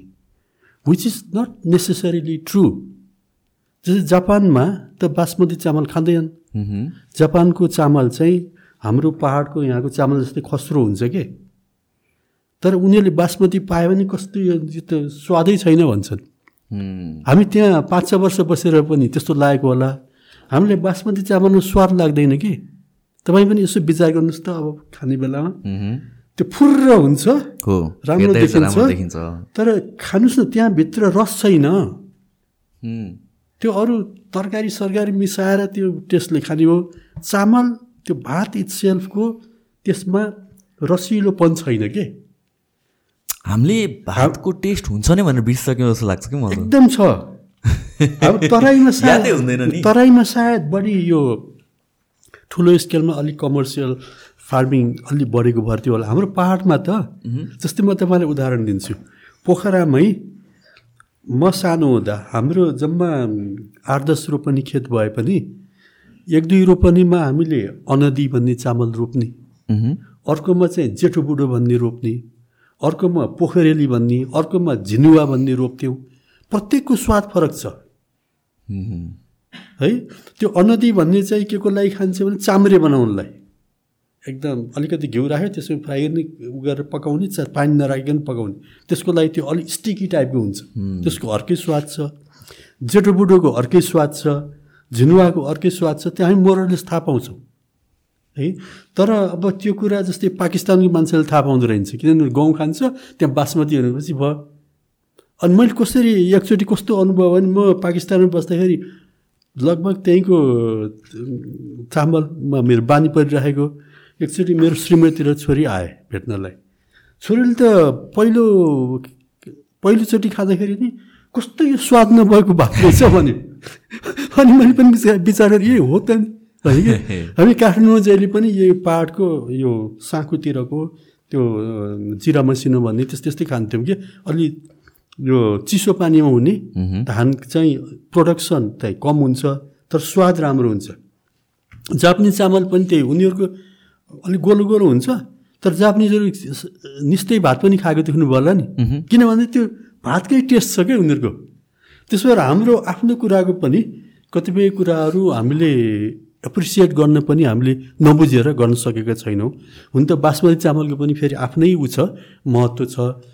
त्यसैले हामीले त्यो कुरा पनि आफ्नो राम्रो चिजहरूको पनि हामीले बुझ्न जरुरी छ सो हाम्रो प्रोडक्सनमा च्यालेन्ज छ कि छैन? हाम्रो पपुलेसनले लाई धान्ने गरिकन नेपालमै चामल सबै प्रड्युस गर्न सकिन्छ? मजाले सकिन्छ। किन भइरहेछ नि त? हो किन भएको छैन? अब एउटा म उदाहरण दिन्छु। अघि मैले चाहिँ यो चामल यो यो प्रोडक्सन यो पर क्यापिटल पर हेक्टर उत्पादकत्वको बारेमा कस्तो छ भने देखाएँ खासै हाम्रो प्रगति छैन। अनि अर्को बिस वर्ष अगाडि हामीले उत्पादन गरेको नेपालको जनसङ्ख्यासँग विचार गर्दाखेरि प्रति व्यक्ति कति उत्पादन हुन्थ्यो? अहिले कति उत्पादन भइरहेको छ? हेर्दाखेरि यो यो बिस वर्ष अगाडिको कुरा हो। र अहिले उस्तै उस्तै छ कि? दुई हजार छप्पन्न सन्ताउन्नमा एउटा थियो सन्ताउन्न अन्ठाउन्नमा अलिकति बढी थियो। त्यो मैले भने नि रेनफल अनुसार यता उतार चढाव हुने। अहिले सतहत्तर अठहत्तर अठहत्तर उनासीमा हेऱ्यो भने पनि सतहत्तर अठहत्तरमा बढी छ अठहत्तर उनासीमा अलिक कम छ। पहिलाको भन्दा खासै फरक छैन। तर बिस वर्षमा त हाम्रो इकोनोमी हाम्रो मान्छेको जीवनस्तर मान सभ्यता धेरै अगाडि बढिसक्यो नि। त्यो कारणले अहिले त हाम्रो धेरै बढी उत्पादन हुनुपर्ने त्यो भएको छैन। त्यसैले हाम्रो कृषि चाहिँ के भयो भने कृषिको उत्पादकत्व स्ट्याग्नेन्ट भयो। त्यसलाई बढाउन जरुरी छ। त्यो बढाउन सकिन्छ फेरि। सो यो हुनुको कारण हामीहरू मोडर्न फार्मिङ अडप्ट नगरेको मात्र नभएर प्राय मान्छेहरूले फार्मिङ एज अ होल या एग्रिकल्चर एज अ होल नै प्रोफेसनबाट चेन्ज भएको हो कि? त्यो कारणले हो र? किन भन्दा पहिला त एग्रिकल्चर नै मेन अकुपेसन हो भनेर भनिन्थ्यो नि त। अहिले त त्यस्तो सिग्निफिकेन्टली छैन नि। हो। त्यो फ्याक्टर हुनसक्छ। अरू प्रोफेसनमा जान थालेको मान्छे अरू प्रोफेसनमा पनि गइरहेका छन् जस्तै युवा धेरै युवाहरू बाहिर गइरहेका छन्। त्यो कारणले पनि जग्गाहरू कति बाँझो भइरहेको छ होइन? तर जग्गा बाँझो भए पनि जति जग्गा छ त्यसमा चाहिँ प्रति हेक्टर कति उत्पादन हुने भने त घट्नु नहुने नि। रेट त्यसैले हाम्रो बेसिक कुरामै यहाँ समस्या छ कि? ओके सामान्य कुराहरू पनि हाम्रो सम्बोधन भइरहेको छैन। जस्तै अब तपाईँ तराईबाट हुनुहुँदो रहेछ होइन? हजुर। तराई भनेको हाम्रो नेपालको अन्नको भण्डार भनेर हामीले स्कुलमा त्यो पढेको बच्चा बेलामा। हो। अब नेपाल धान चामल निर्यात कम्पनी नै थियो। ओके। त्यस्तो एक्सपोर्ट हुन्थ्यो हाम्रो। तर के भयो भने तराईमा जनसङ्ख्या बढ्दै गयो। त्यो अनुसार उत्पादन बढेको छैन। त्यो कारणले अहिले त तराईकै कतिपय जिल्लाहरू चाहिँ आफ्नो जुन उत्पादन हुने खाद्यान्न त्यहाँको जनसङ्ख्यालाई नपुग्ने। फुड डेफिसिट स्थितिमा पुगेछन्। जस्तै यहाँ हेऱ्यौँ भने जस्तै पूर्व र पश्चिम नवलपरासी धनुषा बाँके सुनसरी महोत्तरी दाङ त्यो जिल्लाहरूमा आफ्नो उत्पादनले त्यहाँको जनसङ्ख्यालाई खान पुग्दैन त्यस्तो भइसक्यो। है? त्यसैले हाम्रो खेतीमा यो बेसिक कुराहरू पनि मै समस्या छ। त्यसमा त्यो समस्या भएको हुनाले त्यसको समाधान त्यति गाह्रो छैन कि उत्पादन अलिकति बढाउनलाई। हाम्रो साढे तिनबाट सात बनाउनलाई त गाह्रो होला। प्रति हेक्टर अहिले साढे तिन मेट्रिक टन छ। त्यसबाट सात बनाउनु पऱ्यो न त गाह्रो होला। साढे तिनबाट चार साढे चार बनाउनु त गाह्रै छैन। यदि हाम्रो एउटा नीतिगत रूपमा त्यसलाई त्यसलाई सम्बोधन गर्ने भने। जस्तै भनौँ एउटा सामान्य कुरा मान्छेले यो रासायनिक मलहरू किन्छन्। पैसा दिएर किन्ने हो नि। सरकारले पनि बाहिरबाट ल्याएर बेच्ने हो। त्यो गर्नु नै छ भने टाइममा मात्रै गरिदियो भने होइन? उनीहरूले जस्तै बिउ राख्ने बेलामा त्यो धानको बिउ राख्ने बेलामा त्यो हुन्थ्यो। त्यसपछि प्लान्टेसन प्लान्ट गर्ने बेलामा हुन्थ्यो। त्यो कुरा टाइममा भएन भने उत्पादन राम्रो भएन। त्यतिले नै तपाईँ दस बिस पन्ध्र प्रतिशत उत्पादनमा फरक पाउने सम्भावना हुन्छ। त्यो पनि टाइममा हुँदैन हुँदैन त। प्रत्येक प्रत्येक वर्ष त्यही स्टोरी छ नि हेर्नुहोस् न। पोहोर साल पनि त्यस्तै भयो परार साल पनि त्यस्तै भयो। अब कृषि मन्त्रालय अनि त्यो अर्को के संस्था छ?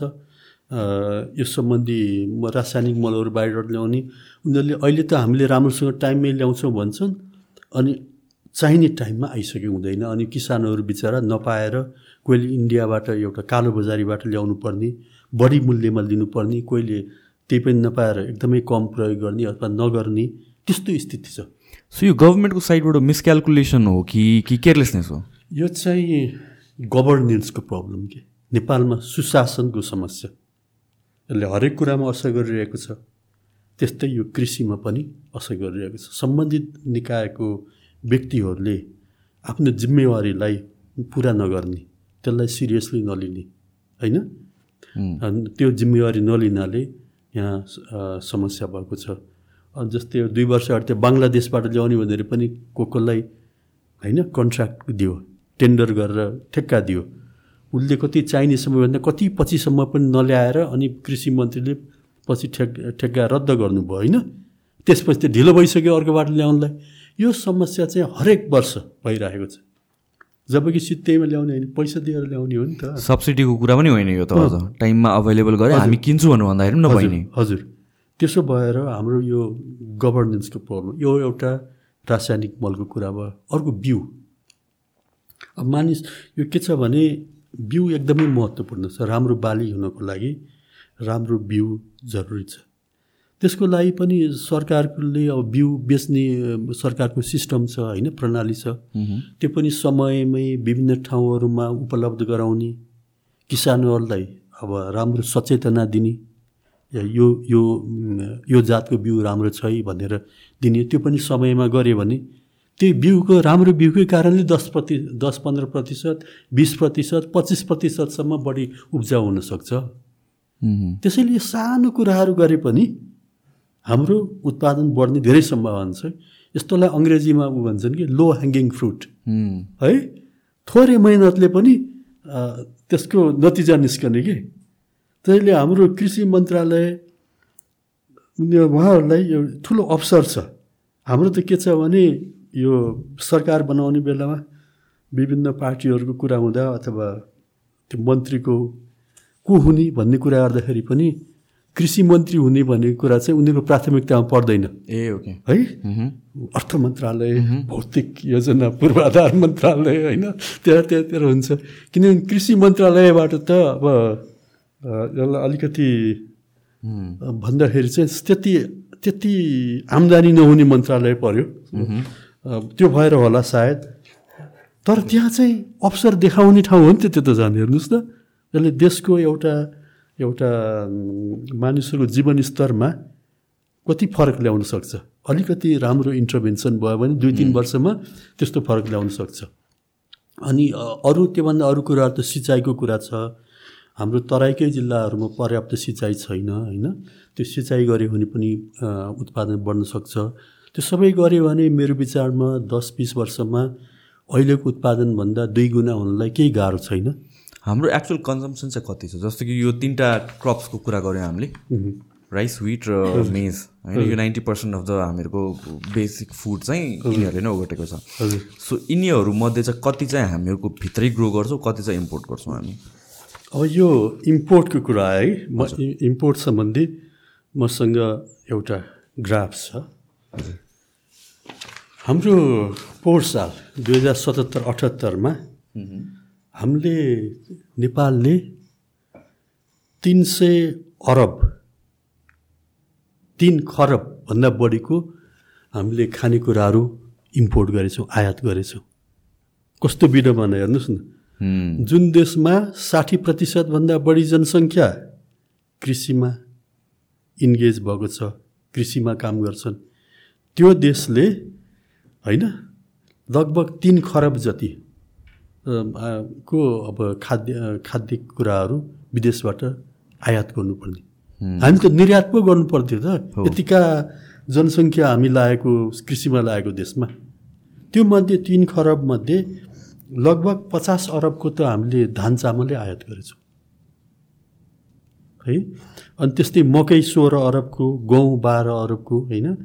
हामी तपाईँले भन्नुभयो यो तरकारीहरू पनि आयात गरेका छौँ अनि वनस्पति घिउ र तेल पनि थुप्रो आयात गरेका छौँ जस्तै त्रिसठी अरबको बया तिरासी अरबको त्यो त। त्यस्तै फलफुलहरू आयात गरेका छौँ चिनी आयात गरेका छौँ कफीहरू हरेक कुरा हामीले आयात गरेका छौँ। यो ठुलो विडम्बनाको कुरा हो हेर्नुहोस्। यो त लार्ज अमाउन्ट अफ फुड त हामीले त इम्पोर्ट नै गरिरहेको छ। भनेपछि prod actual production versus import चाहिँ कति के रेसियो छ? तर यस्तो छ कि हाम्रो लगभग यो पनि फेरि विभिन्न आइटम अनुसार फरक फरक छ। हाम्रो अब खाद्यान्न बालीको कुरा गर्दाखेरि रफली छ लाखदेखि दस लाख मेट्रिक टनको रेन्जमा हामीले आयात गरेको देखिन्छ गत वर्षहरूमा। एक करोड मेट्रिक टन हाम्रो उत्पादन हुन्छ होइन? मोटामोटी। ओके। त्यो लेस देन टेन पर्सेन्ट चाहिँ हामी इम्पोर्ट गर्छौँ। त्यो अब प्रपोर्सनको हिसाबले धेरै होइन। हो। तर हाम्रो स्टिल ओभरअल इकोनोमीलाई हाम्रो गरिब देश होइन? हामी अब निर्यात कम हुने देश हामी रेमिटेन्समा भर पर्ने देश त्यो भएको कारणले यो हामीलाई ठुलो ऊ हो कि। अनि अर्को के भने देशको साठी प्रतिशत मान्छेहरू इन्गेज भएको चिजमा पनि हामी बाहिरबाट आयात गर्नु भन्यो भने त त्यो त एकदम विडम्बना हो नि। अहिले पनि साठी पर्सेन्ट एग्रिकल्चरमै लागेको है हो? साठी पर्सेन्ट बढी। किन हामीले पहिला पढ्दा चाहिँ अस्सी पर्सेन्टहरू भनिन्थ्यो। घट्दै गएको छ। तर त्यही पनि साठी पर्सेन्ट भने सिग्निफिकेन्ट नै रहेछ। सिग्निफिकेन्ट अनि अर्को यसमा यसमा रिलेटेड अर्को म इन्ट्रेस्टिङ पाटोमा कुराहरू जान्छु। तपाईँलाई त्यो एङ्गलबाट हेर्नुभएको छैन होला। जस्तै हाम्रो एक हेक्टर हाम्रो किनभने जमिन त लिमिटेड छ। त्यसलाई के को लागि प्रयोग गर्ने भन्ने कुरा आउँछ कि? त्यसमा धान खेती गर्ने कि मकै लगाउने कि अथवा तरकारी लगाउने कि आलु लगाउने कि अथवा कफी लगाउने हो कि त्यो गर्दाखेरि एउटा हाम्रो एक हेक्टर जमिनमा जस्तै धान मकै कोदो तिनीहरू लाउँदाखेरि लगभग तिन सय बिस किलो तिन हजार दुई सय किलो हुने रहेछ three point two metric ton उत्पादन नेपालमा अहिले। तर त्यही ठाउँमा तपाईँले क्यास क्रप है आलु त्यो ओइल सिडहरू त्यो लगाउनु भयो भने लगभग आठ मेट्रिक टन हुँदो रहेछ। एक हेक्टरमा more than double more than double है? अनि भेजिटेबल लगाउनु भने पन्ध्र मेट्रिक टन हुने रहेछ। लगभग पाँच गुणा। है? अनि फलफुल लगाउनु भयो भने एघार मेट्रिक टन त्यसैले योसँग रिलेटेड अर्को फुड ह्याबिटको पनि कुरा आउँछ कि? जस्तै अब हामीले अघि हामी कति कन्ज्युम गर्छौँ भन्नुभयो तपाईँले सोध्नुभयो हामी यो चामललाई एकदमै मन पराउँछौँ हामी। एकदम त्यो त्यो मेरो विचारमा त्यसले हामीलाई यो फुड ह्याबिटको समस्या हो है? त्यो धनी भएर चामल धेरै खानुपर्छ भन्ने कन्सेप्ट नै हामीले चेन्ज गर्न जरुरी छ। नेपालीले अहिले एभरेजमा सालाखाला एक वर्षमा एक सय सैँतिस किलो चामल खाने रहेछ। एक सैँतिस किलो? एक सय सैँतिस किलो। त्यो चाहिँ जापानिजले खानेभन्दा पनि बढी छ। One of the highest in the world संसारमा धेरै चामल खाने मध्ये हामी पर्छौँ। तर त्यो हेल्थको लागि त राम्रो छैन नि। हो नि। जापानिजले पनि दिनमा दुईचोटि चामल खान्छ। तर उनीहरूले त्यत्रो पोर्सन खाँदैन उनीहरूले के खान्छन् भने त यो भेजिटेबल खान्छन् मासु खान्छन् माछा खान्छन् आलुहरू खान्छन् अँ। त्यसैले अब मैले यो योसँग रिलेट गर्नु खोजेको के कुरा भने हामीले आलु खाए पनि त हुने रहेछ नि त। क्यालोरी आउँछ। त्यो चामलले भन्दा त आलुले क्यालोरी बाहेक प्रोटिन पनि अलिअलि दिन्छ कि। भेजिटेबल हामी कम खान्छौँ हेर्नुहोस्। तर त्यही जग्गामा भेजिटेबल लगाए पनि तरकारी लगायो भने पाँच गुणा उत्पादन हुने रहेछ चामलभन्दा। हामी यति भात खान्छौँ तरकारी यति खान्छौँ। हुनुपर्ने उल्टो के तरकारी खाएर चामल त्यसैले यो हाम्रो फुड हेबिटमा पनि हामीले धेरै नै ध्यान दिनुपर्ने सचेतना बढाउनु पर्ने तर त्यो बानी नै भइसक्यो नि त जति अब हामी एजुकेटेड भए पनि जति नलेज भए पनि जे होस् भातको क्वा क्वान्टिटी जहिले पनि कन्जम्सन हाई नै हुन्छ हामीहरूको। त्यो हेबिट चाहिँ चेन्ज हुँदैन है कहिले पनि। तर ओभर टाइम। बदलिन सक्छ। जस्तै मैले बिस वर्ष अगाडि जस्तो भात खान्थेँ अहिले खान्न। अहिले म तरकारीहरू नै बढी खान्छु। अनि बिस्तारै बिस्तारै त्यो बानी लाग्दो रहेछ। इन्डिभिजुअल लेभलबाट हजुर हजुर। त्यो गर्दा गर्दै अनि होइन सबैले हामीले त्यसमा सचेतना बढाउँदै गयौँ भने त्यो हुन्छ जस्तो लाग्छ। सो यो यस यसको लागि पनि यो हेबिट चेन्ज गर्नको लागि पनि अवेरनेस प्रो प्रोग्रामहरू गरिन्छ? त्यो त्यो गर्नु एकदम जरुरी छ। गरेर गरिएको छ गरिएको छ अलिअलि तर त्यसलाई धेरै एकदमै स्केल अप गर्नु जरुरी छ कि। जस्तै म तिस पैँतिस वर्ष अगाडि बाजुरा बजाङतिर जाँदाखेरि त्यहाँको मान्छेहरूले तरकारी अलमोस्ट खाँदै नखाने। होइन? पायो भने भात नत्र भने मेरो गरिबहरूले त मकै कोदो त्यस्तोहरू खाने होइन? भात मात्रै? तरकारी एकदमै कम के? तर घरमा तरकारी पनि नलगाउने। अनि धेरै त्यहाँ विभिन्न कार्यक्रमहरू भएर अहिले चाहिँ तरकारीहरू खाने पहिलाभन्दा चाहिँ बढेको छ। जस्तै डडेलधुरा भनौँ। डडेलधुरामा अहिले तरकारी धेरै उत्पादन हुन्छ। तराईमा उनीहरूले सरप्लस तराईमा लगेर बेच्ने पनि छ होइन? त्यस्तै राप्ती अञ्चलको पनि सल्यानतिर भयो रुकुमतिर त्यहाँबाट तरकारीहरू तराईतिर जान्छ। त्यसो भएर सुधार त भइरहेको छ तर अझै यो माइन्ड सेटमै चेन्ज गर्नु जरुरी छ कि? हाम्रो खाना चाहिँ क्यालोरी रिच बढी भयो अनि न्युट्रियन्ट त्यो प्रोटिनहरू चाहिँ कम भयो। त्यसमा हामीले आमूल परिवर्तन गर्नु जरुरी छ। यो यो त सिग्निफिकेन्टली वर्ल्डकै ट्रेन्ड हो होइन? कि मोस्ट अफ द डिजिजेस जुन आएको छ क्रोनिक डिजिज अहिले डायबिटिजहरूदेखि लिएर हार्ट इस्युजहरू सुरुमा चाहिँ म चाहिँ न्युट्रिसनको वान अफ द रिसर्चर नै रिसर्च नै गर्छु म एकदमै। मेरो फिल्ड अफ एक्सपर्टिज नै पर्छ फिटनेस भएकोले। म एभ्री सिङ्गल फुड मैले खाँदाखेरि सबै म वे गरेर म्याक्रोजहरू नापेर every single day every single खाना म त्यसरी खान्छु। क्यालोरिज कति कति म्याक्रो कति ग्राम फ्याट प्रोटिनहरू रिसर्चमा के देखिएको छ भनेर भन्दाखेरि हामीहरूले जुन फास्ट फुडको ट्रेन्ड आयो त्यो बेलादेखि यो क्रोनिक डिसिजेसहरू इन्क्रिज हुन थाल्यो क्या सुरुमा फ्याटलाई ब्लेम गऱ्यौँ फ्याट फ्याट फ्याट फ्याट भनेर फ्याटलाई ब्लेम गऱ्यौँ इभेन्चुली अहिले रिसेन्ट रिसर्चमा के देखिएको छ भनेर भनेपछि फास्ट फुडमा फ्याट मात्र होइन कि कार्बोहाइड्रेटको अमाउन्ट एकदमै बेसी छ कि। सो कल्प्रिट फ्याट फ्याट हाम्रो बडीलाई चाहिन्छ जुन हिसाबले फ्याटलाई चाहिँ अलि एउटा डिमोनाइज नै गर्यो नि त्यो स्केल होइन कि? हामी चाहिँ केयरफुल हुनुपर्ने कार्बोहाइड्रेटबाट हो। कार्बोहाइड्रेट इन एक्सेस चाहिँ बडीले चाहिँ युटिलाइज गर्न सक्दैन। र हाम्रो फुड हेबिट हेर्ने हो भने चाहिँ majority of portion seventy percent of the portion भने कार्बोहाइड्रेट नै छ कि? एउटा आम नेपालीले खाने हो भने। प्रोटिन दस पर्सेन्ट होला फ्याट होला दस पन्ध्र पर्सेन्ट तर seventy percent seventy five percent भनेको कार्बोहाइड्रेट नै छ क्या। र यो हेल्दी लिभिङमा जानको लागि जबसम्म हामीले यो अप्रोच चेन्ज गर्दैनौँ तबसम्म चाहिँ आई थिङ्क यो प्रपर न्युट्रिसन चाहिँ पाउँदै पाउँदैन कि नेपालीहरूले। क्वान्टिटी पाउला तर क्वालिटी पाइएन क्या। एकदमै सही कुरा। त्यो कारणले हाम्रो स्टन्टिङ प्रिभेन्सन चाहिँ च्यालेन्जिङ छ। त्यो सचेतना गर्न एकदमै एकदमै जरुरी छ। हाम्रो एकदम यो इनर्जी रिच भयो कार्बोहाइड्रेट रिच भयो तर यो न्युट्रिएन्टहरू कम भयो। अरू माइक्रो न्युट्रियन्टहरू कम भयो? माइक्रो न्युट्रियन्ट त झनै कम हजुर। अनि त्यो पहिलाको हिसाबले चाहिँ पहाडमा खास गरी पहाडमा काम गर्ने मान्छेहरू खेतमा काम गर्नु पर्थ्यो उकालो ओह्रालो गर्नु पर्थ्यो। त्यो कारणले टु सम एक्सटेन्ट यसको सेन्स चाहिन्थ्यो। तर अहिले चाहिँ हाम्रो हाम्रो जीवनशैली चाहिँ सेडेन्टरी भयो। एकदमै। होइन? त्यो शारीरिक कामहरू नगर्ने। तर खाने तरिका चाहिँ पुरानो। त्यसमा पनि अझ डिस्टोर्ट भएको। हाम्रोमा अब चाहिँ बढी फ्याटहरू भएको खानाहरू खाने जङ्क फुडहरू खाने त्यसले गर्दाखेरि त फुड मोर एक्सेसिबल भयो। फुड कस्तो भएर आयो भनेपछि अहिले आएर फुड एउटा हबी जस्तो पनि भएर आयो कि किनभने यहाँ स्पेसली काठमाडौँ या नेपाल कुरा गर्ने भनेपछि रिक्रिएसनको लागि केही पनि छैन। अनि के गर्ने भनेपछि साथीहरू भेट्यो भनेको रेस्टुरेन्टमै जाने भयो क्या। फुड एउटा एकदमै इम्पोर्टेन्ट पार्ट अफ कल्चर पनि भएर गयो। र कहाँ कहाँ एकदम अब्युज पनि भइयो क्या। जहाँ हामीहरू पहिला हिँडेर गइन्थ्यो या भन्छ फिजिकल लेबर गरिन्थ्यो या बच्चाहरू खेल्थ्यो फिजिकली अहिले त्यो कुराहरू छैन। होइन वर्क पनि हामीहरू अफिसमै बस्दाखेरि बसेर काम गर्नेहरू भयो। फिजिकल बच्चाहरूले पनि खेल्ने ठाउँहरू भएन। फोनमै खेल्ने भयो। तर त्योसँग जुन हिसाबले फिजिकल फिजिकल एक्टिभिटिज घट्दै गयो त्यो हिसाबले फुडको एक्सेसिबिलिटी चाहिँ बढ्दै गयो कि। एन्ड यो यो जुन हिसाबले अम, अ, यो प्रोपोर्सन चेन्ज भएको छ अनि द्याट आई सी लङ रनमा चाहिँ एकदम प्रब्लमेटिक हो। त्यसैले हामीले यसमा हामी आफै आफै एडुकेटेड हुनु जरुरी छ। एडुकेटेड भनेको डिग्री लिएर मात्रै हुँदैन। जस्तै अब भनौँ न जापानिजहरू त रेस्टुरेन्टमा हामीभन्दा झन् बढी खान्छन्। हो। तर हेल्दी छन् नि। एकदमै। त्यसैले हाम्रो के गर्नु पऱ्यो भने सरकारबाट पनि त्यो जरुरी छ।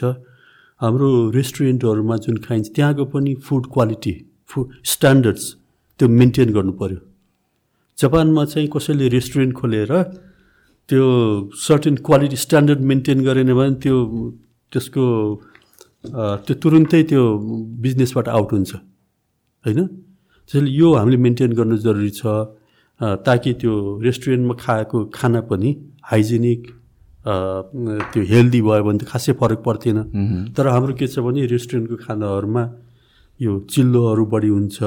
त्यसमा फेरि त्यो कति ठाउँमा रिसाइकल गरेको तेलहरू हुन्छ। त्यो चाहिँ धेरै हार्मफुल छ। अनि त्यसमा चाहिँ सस्तो चिजहरू जुन पाइन्छ त्यो चिजहरू ल्याएर पकाएको हुन्छ हाइजेनिक भन्दा पनि। त्यसैले त्यो चाहिँ हामीले विचार गर्नुपर्ने कुरा छ। हामी कुनै क्रप्स एक्सपोर्ट गर्छौँ हामी कि?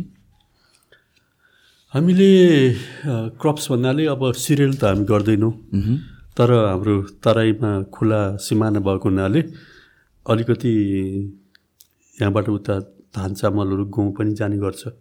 किनभने त्यो फर्मल ट्रेड होइन कि? जुन बेला उत्पा हार्भेस्ट भएको हुन्छ त्यो बेला किसानहरूसँग बिचरा तुरन्त पैसा चाहिने होइन?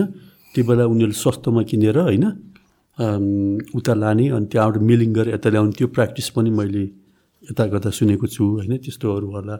तर फर्मली चाहिँ फर्मल ट्रेडमा चाहिँ त्यो त्यति छैन। तर अर्को तर अर्कोतिर हाम्रो क्यास क्रपहरू जस्तै अलैँची अलैँची एक्सपोर्ट हुन्छ। त्यो क्वाइट सिग्निफिकेन्ट छ फेरि। त्यसको स्कोप छ त्यो त्यो अझै बढ्न सक्ने सम्भावना छ। त्यसमा त हाम्रो फेरि अर्को समस्या के छ भने हाम्रो धेरै जसो इन्डिया भएर जानुपर्ने हुनाले कहिलेकाहीँ त्यहाँ विभिन्न ट्रेड रेस्ट्रिक्सनहरू त्यसले गर्दाखेरि हाम्रो किसानहरूले सफर गरेको पनि पाइन्छ। खास गरी पूर्वी पाहाडको जिल्लाहरूबाट चाहिँ अलैँची खेतीमा किसानहरूले धेरै राम्रो लाभ लिइरहेका छन्। सो अलैँची बाहेक अरू केही छ र?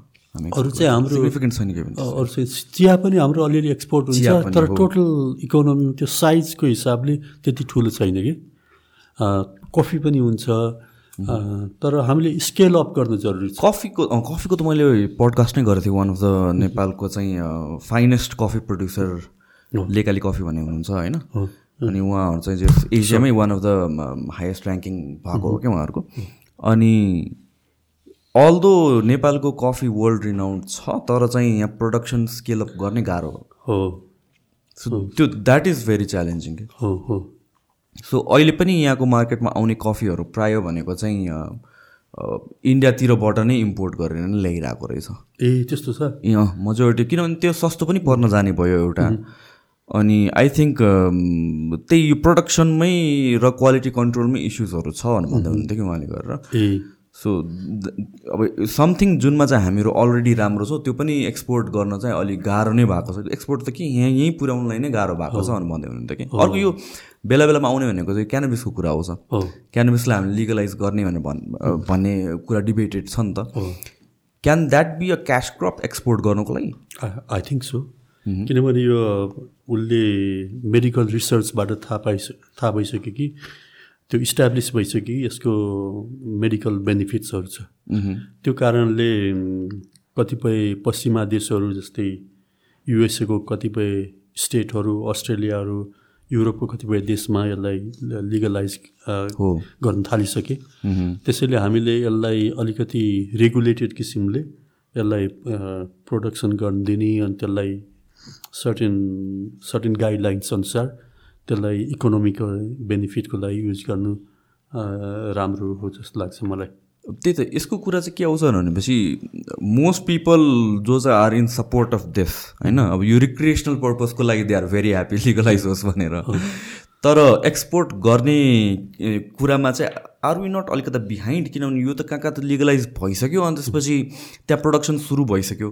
अल्दो वान पोइन्टमा नेपालको म्यारोवाना एकदम फेमस थियो तर अहिलेको वर्ल्डमा तिस चालिस पचास वर्ष पछि हेर्दाखेरि हामी त्यो स्ट्यान्डर्ड मिट गर्न सक्छौँ र हामी यो रेसमा अलिक पछाडि छैनौँ र रेसमा पछाडि छौँ तर मेरो विचारमा क्याचअप गर्न सक्छौँ। हाम्रो उनीहरूलाई त्यो अरू किसिमले स्केलमा क्याचअप गर्ने भन्दा पनि क्वालिटीमा हाम्रो छ त्यो युनिक एडभान्टेज छ कि।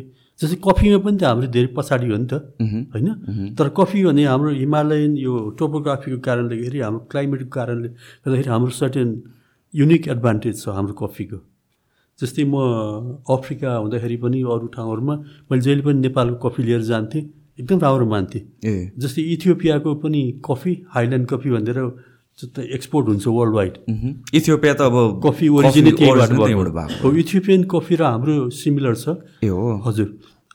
त्यसैले अघि त्यो साथीले इन्डियाबाट ल्याएर उ गर्नु एक्सपोर्ट हुन्छ भन्नु मेरो विचारमा त्यस्तो प्र्याक्टिस स्टप गर्नुपर्छ। हामीले आफ्नै चिजलाई त्यसलाई अलिकति राम्रो गरेर होइन?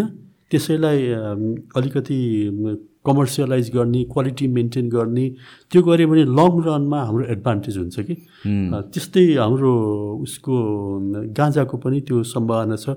किन हाम्रो कस्तो छ भने अरू देशमा युरोपमा अमेरिकामा हुने भनेको चाहिँ उनीहरूले एकदमै मेहनत गरेर त्यसलाई लगाएर उमार्ने त्यस्तो गर्नु हाम्रो त नेचुरली।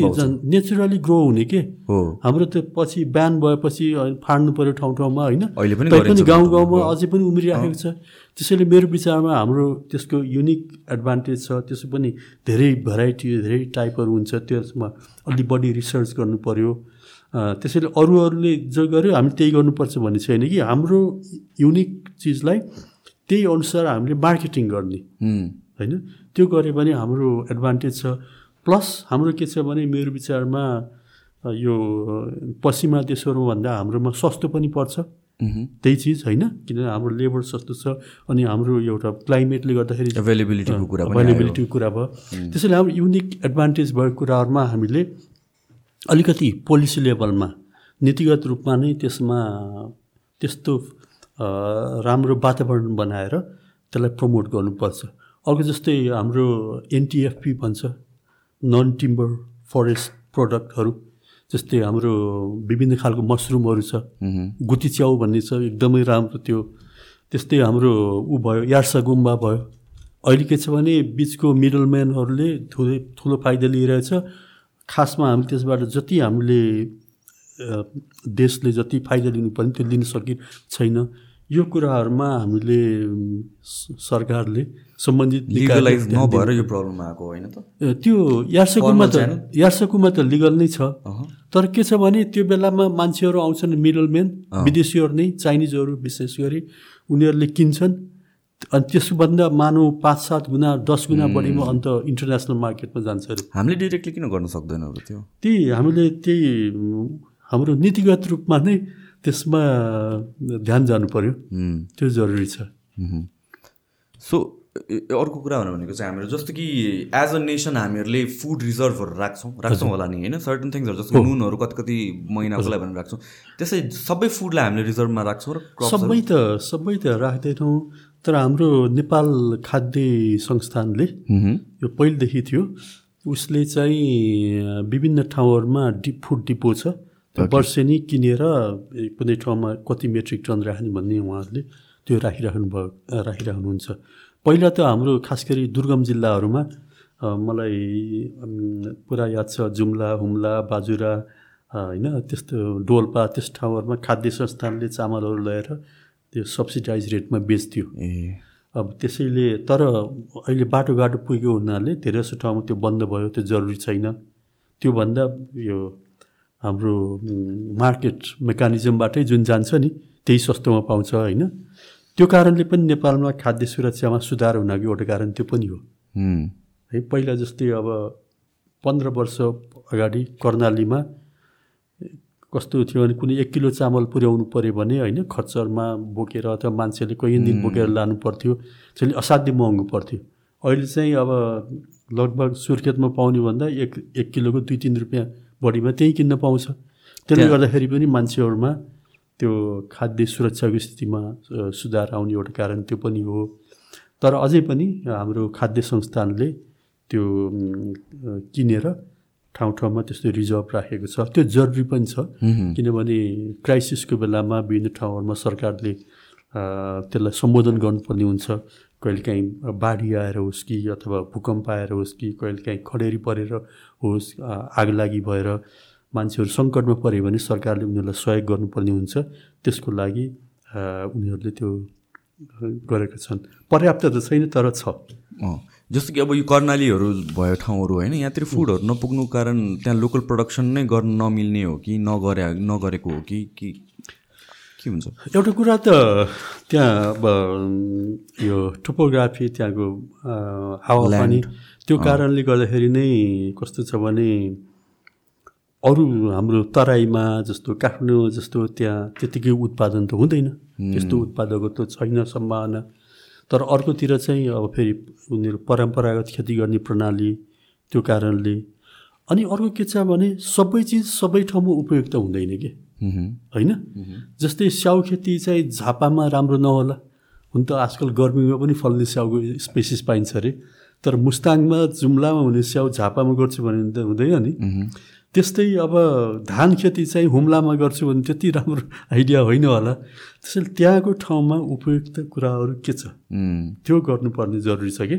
त्यहाँ कर्णालीकै ठाउँमा उपयुक्त हुने कुराहरू जस्तै जुम्लामा मार्सी चामलको त्यस्तो विभिन्न न्युजमै आउँछ।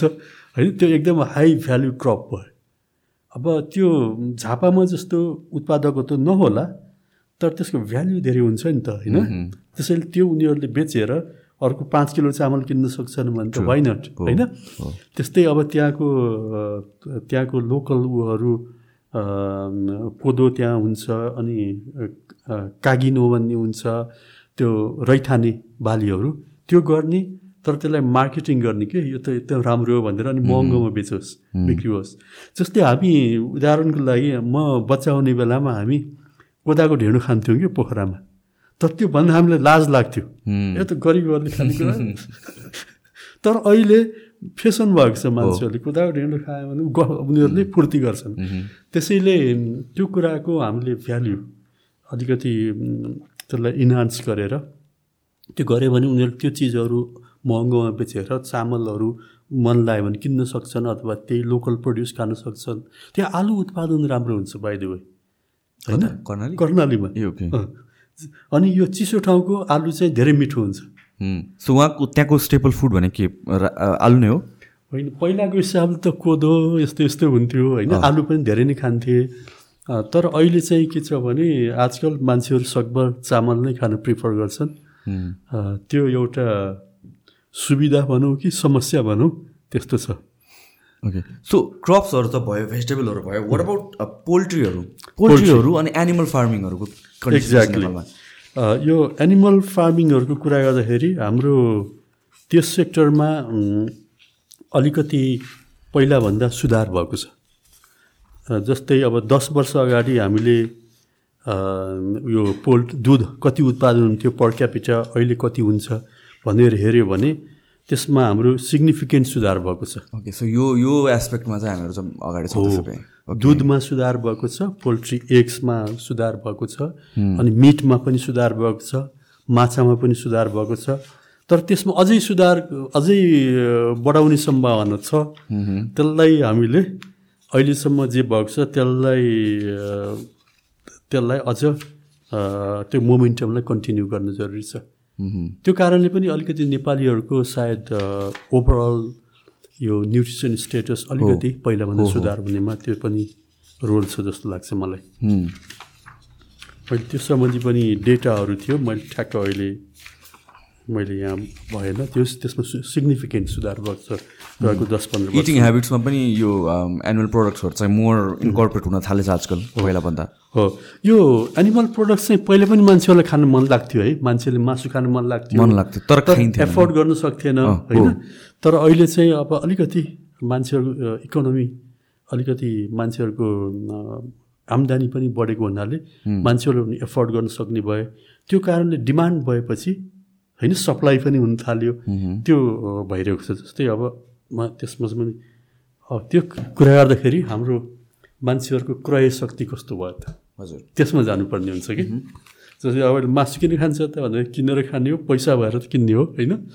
अब हाम्रो नेपाल के छ भने अहिले हिजोको तथ्याङ्क अनुसार हाम्रो सरकारले यो अठहत्तर उनासीको आर्थिक सर्वेक्षणको तथ्याङ्क दियो।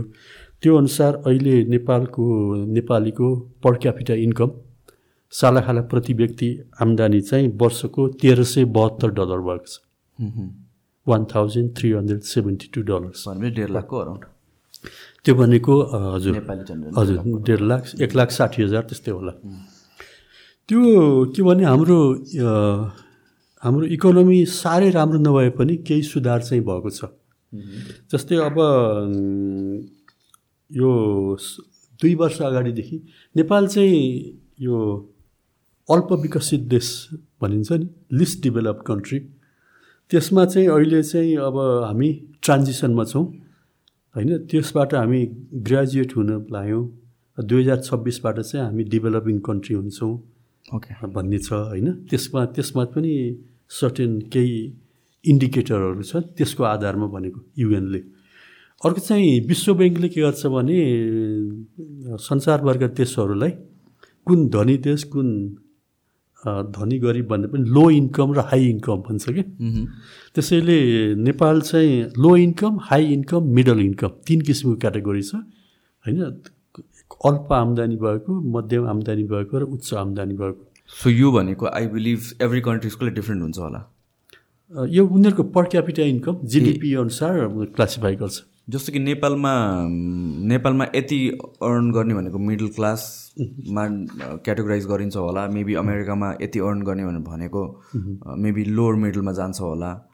त्यो क्राइटेरिया हुँदैन इच कन्ट्रीको लागि डिफ्रेन्ट त्यो चाहिँ आफ्नो देशभित्रको कुरा भयो। ए उसले ग्लोबली कुरा ग्लोबली उसले विभिन्न देशहरूको तुलना गर्दाखेरि नेपाल चाहिँ अब लो इन्कम कन्ट्री मानिन्थ्यो कि। ओके जसको एक हजार साठी कि त्यस्तै डलरभन्दा कम। प्रति व्यक्ति आम्दानी त्योभन्दा कम भयो भने लो इन्कम कन्ट्री मानिन्छ। त्यस्तै चालिस पचास देश चाहिँ त्यो क्याटेगोरीमा थिए। ओके वर्ल्ड ब्याङ्कको क्लासिफिकेसन अनुसार। दुई वर्ष अगाडिबाट नेपाल चाहिँ त्यसबाट माथि गएर अहिले चाहिँ लोवर मिडल इन्कम कन्ट्री भएको छ। वर्ल्ड ब्याङ्कको क्लासिफिकेसन अनुसार। भन्नाको मतलब कति रेन्ज मध्यम मध्यम आम्दानी भएको देश। तर त्यसको तल्लो रेन्जमा त्यो पनि अप्पर मिडल इन्कम र लोवर मिडल इन्कम छ. अब चार हजारभन्दा माथि भयो भने अप्पर मिडल इन्कम कन्ट्री हुन्छ। चार हजार डलरभन्दा माथि चार हजार समथिङ भन्दा माथि। जस्तै चाइना चाहिँ अहिले अप्पर मिडल इन्कम कन्ट्री हो। टेन थाउजन्ड डलर्स हुँदाखेरि पनि अप्पर मिडल हो बाह्र हजार नाग्यो भने फेरि त्यो बाह्र हजार पाँच सय नाग्यो भने हाई इन्कम कन्ट्री हुन्छ। ओके अब के छ भने ग्लोबल पोलिटिक्स सँग जोडिन्छ। अहिले संसारमा upper in high income country चाहिँ मोस्टली वेस्टर्न कन्ट्रीहरू युरोप अमेरिका अनि हाम्रो एसियाको जापान सिङ्गापुर होइन ताइ अब कोरिया यिनीहरू यिनीहरू भए हङकङ अब त्यो गर्दाखेरि रफली बिस प्रतिशत जनसङ्ख्या संसारभरि हाई इन्कम ग्रुपमा पर्छ कि? अब चाइना अब एक दुई वर्ष। हाई हाई इन्कम भनेको बाह्र सय डलरभन्दा माथि। बाह्र हजार डलर। बाह्र हजार डलरभन्दा माथि हुने भनेको चाहिँ बिस पर्सेन्ट अफ द पपुलेसन हजुर रफली है। अब के छ भने चाइना अब एक दुई वर्षमा यो यही प्रवृत्ति कायम रह्यो भने अर्को वर्ष नभए दुई वर्षमा चाहिँ ऊ पनि हाई इन्कम कन्ट्री हुन्छ। चाइना त संसारको जनसङ्ख्याको होइन सोह्र सत्र प्रतिशत छ हेर्नुहोस्। हो। त्यो गरेपछि त्यो हाई इन्कम हुने ग्लोबल पपुलेसन चाहिँ पैँतिस पर्सेन्ट जति हुन्छ क्या के ओके चाइना गएपछि? त्यो त्यो चाहिँ मेजर इकोनोमिक सिफ्ट हुनेवाला छ। अब इन्डियाको त अझै दुई हजार डलरको रेन्जमा छ। उसको चाहिँ धेरै नै टाइम लाग्छ। हाम्रो चाहिँ अहिले चाहिँ तेह्र सय बहत्तर आजको दिनमा यदि सरकारी तथ्याङ्क ठिक भएमा। यो चाहिँ दुई वर्ष अगाडिको तथ्याङ्क हो होइन? त्यो अनुसार हाम्रो इकोनोमी जिडिपीको आधारमा चाहिँ हामी पछाडि छौँ कि धेरै नै।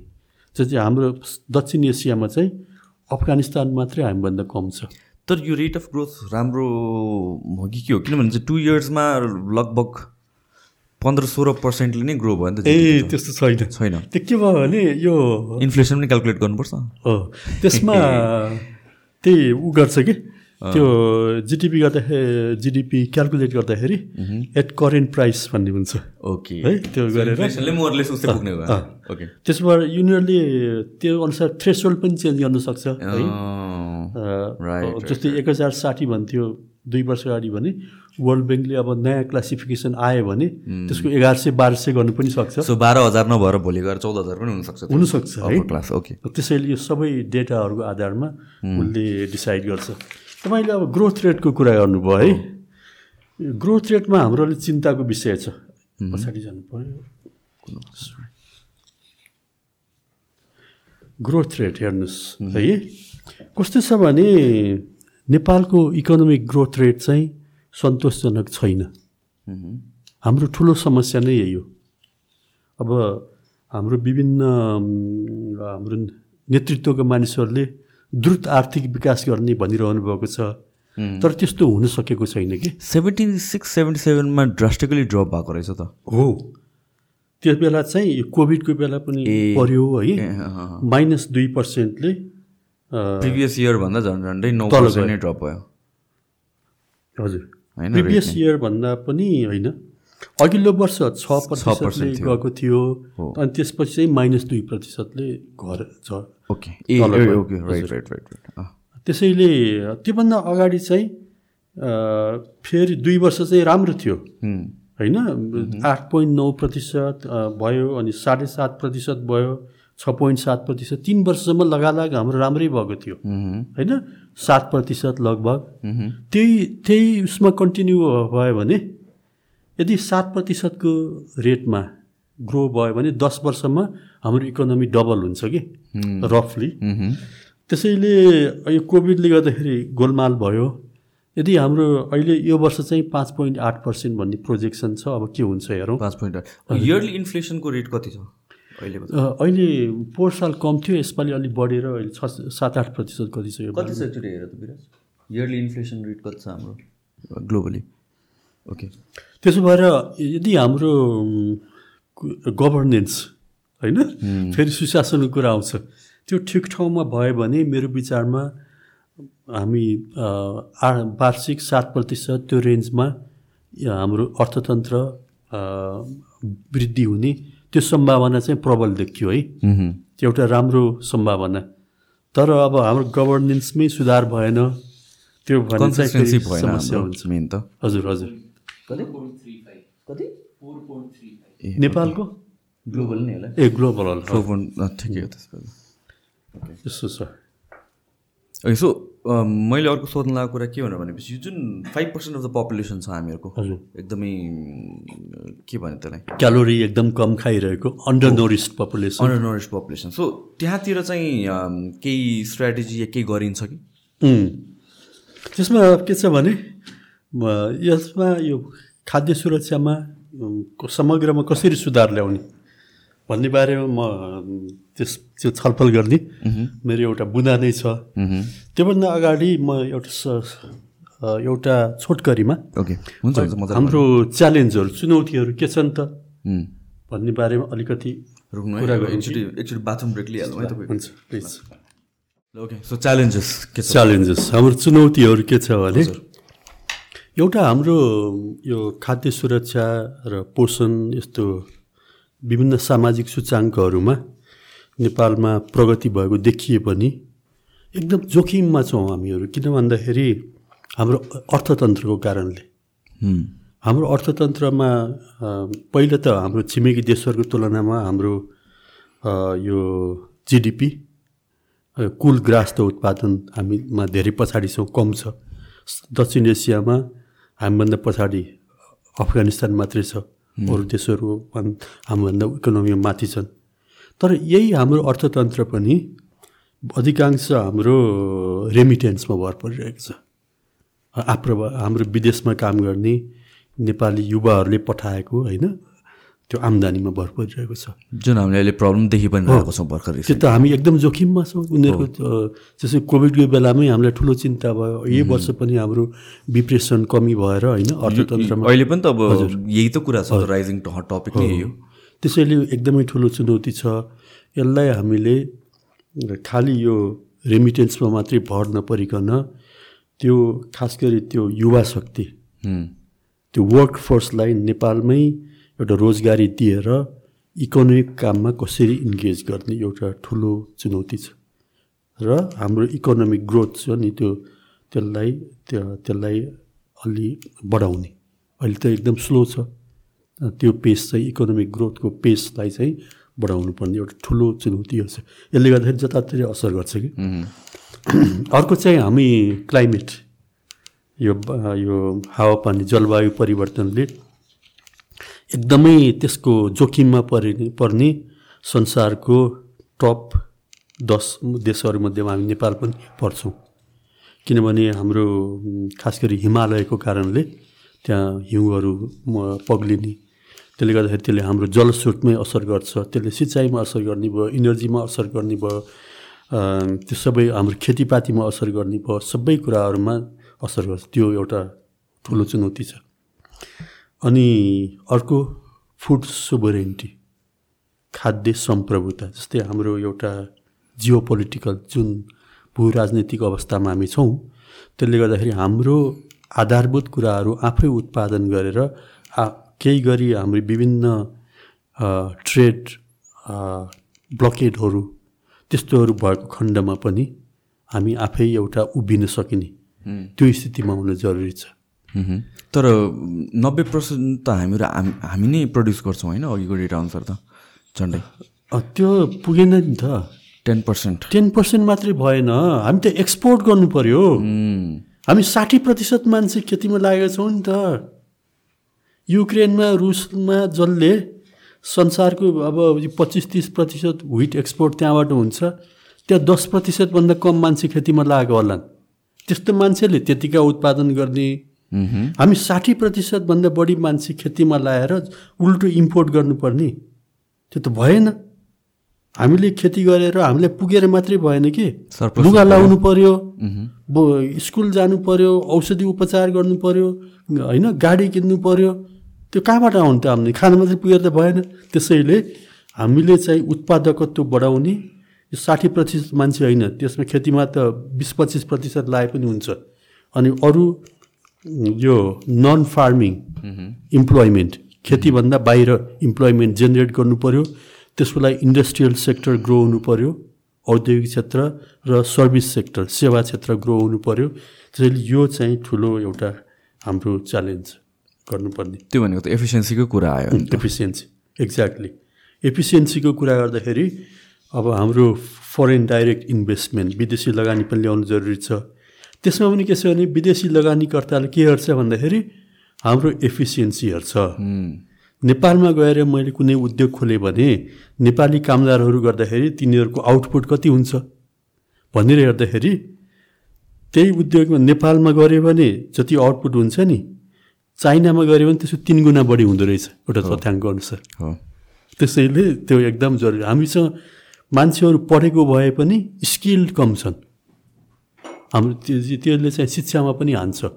हाम्रो शिक्षा चाहिँ डाइरेक्टली स्किलसँग लिङ्क हुनु पऱ्यो यो अघि पनि ठ्याक्क रिपिट भएको जस्तो लाग्यो। हाम्रो पर हेक्टर ग्रोथ पनि नेपालभन्दा चाइनाको ट्रिपल होइन? डबल डबल हो ओके त्यसरी हाम्रो अर्को चाहिँ प्रोडक्टिभिटी च्यालेन्ज उत्पादकत्व कसरी बढाउने। त्यसमा चाहिँ नीतिगत रूपमा सम्बोधन भयो भने केही साधारण कुराहरू हामीले लागू गऱ्यौँ भने छिटै नै हाम्रो बिस तिस प्रतिशत त उत्पादन त्यसै पनि बढ्छ। त्यति पनि हामी गर्न सकेको छैनौँ। यो विडम्बनाको कुरा छ टाइममै फर्टिलाइजर ल्याइदियो भने मात्र पनि। टाइममै फर्टिलाइजर ल्याइदिने राम्रो जातको बिउ उपलब्ध गराइदिने। हाम्रो त्यत्रो एक्सटेन्सन वर्करहरू छन् कृषि मन्त्रालय अन्तर्गत गाउँ गाउँमा छन् नि। उनीहरूले राम्रोसँग काम गरिदिने किसानहरूलाई सल्लाह दिने। त्यो गऱ्यो भने बिस तिस प्रतिशत उत्पादन बढाउनु त एकदम सामान्य कुरा छ। हाम्रो धेरै उत्पादन भएको भए त्यसभन्दा माथि बढाउनु गाह्रो हुन्थ्यो। थोरै भएको हुनाले अलिकति बढाउनु त सजिलो छ कि? त्यस्तै हाम्रो खानाको हा बानी फुड ह्याबिट है हामी क्यालोरी रिच खाना बढी खाइरहेका छौँ। त्यसैले त्यसबाट हामी तरकारीहरू फलफुलहरू बढी खाने र त्यसलाई एउटा एउटा पकाउने तरिकाहरू होइन त्यसमा हामीले विचार गर्ने। त्यो यो सबै गर्नलाई हाम्रो गुड गभर्नेन्स सुशासन चाहिँ एकदम जरुरी छ। यो चाहिँ च्यालेन्जहरू भयो। अब म अघि तपाईँले सोध्नुभएको थियो नि यस्तो छ त हामी के कसरी गर्न सकिन्छ अब हाम्रो खाद्य सुर खाद्य सुरक्षामा सुधार भन्नुभयो नि त्यो गर्नलाई अगाडि बढ्नलाई मैले देखेको केही पोइन्टहरू। एउटा चाहिँ हाम्रो ठुलो समस्या भनेको यो पोषणको हिसाबले स्टन्टिङ छ। बच्चाहरू को उमेरअनुसार हाइट नबढ्ने। तर त्यसको मतलब त्यो बच्चाहरूको मात्रै समस्या होइन समग्र समाजको समस्या हो। बच्चाहरू भनेको हाम्रो समाजको पोषणको अवस्था कस्तो छ त्यसको ऐना हुन् कि? त्यसैले त्यो स्टन्टिङ हामीले प्रिभेन्सन गर्नलाई एकदमै हामीले एउटा इन्टिग्रेटेड अप्रोच चाहिन्छ। एउटा मन्त्रालयले मात्रै गरेर हुँदैन। कृषि मन्त्रालय स्वास्थ्य मन्त्रालय इभन यो सहरी विकास मन्त्रालय यो भौतिक योजना मन्त्रालय जस्तै कर्णाली अञ्चलमा बाटो पुग्न साथ त्यहाँ खाद्य सुरक्षामा धेरै सुधार भयो नि होइन?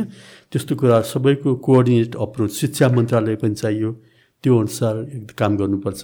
जस्तै म तपाईँलाई एउटा उदाहरण दिउँ। यसको लागि एकदम हाई लेभल कमिटमेन्ट चाहिन्छ कि?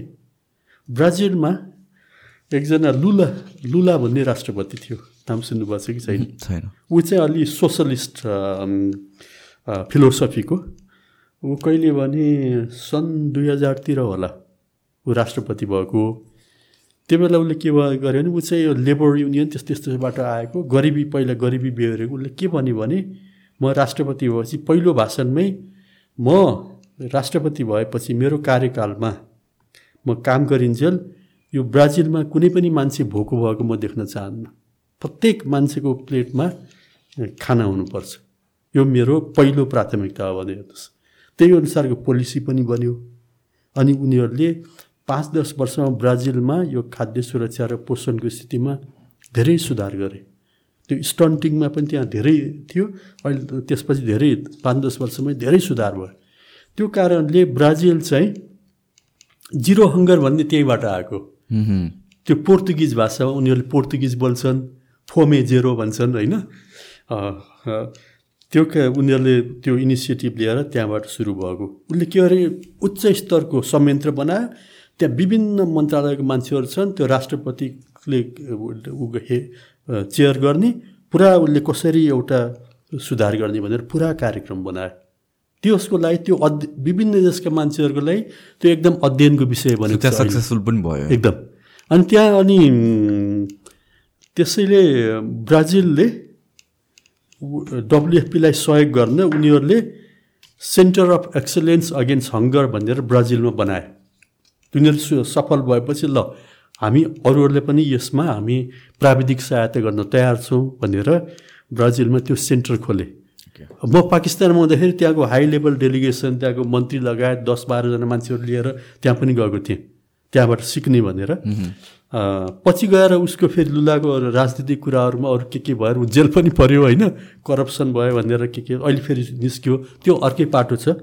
तर यसमा चाहिँ हाई लेभल कमिटमेन्ट भएर विभिन्न मन्त्रालय सम्बन्धित संस्थाहरूले एकदम कोअर्डिनेटेड काम गर्न जरुरी छ। एउटा त्यो अर्को चाहिँ उत्पादन बढाउने। त्यो त सम्भव छ।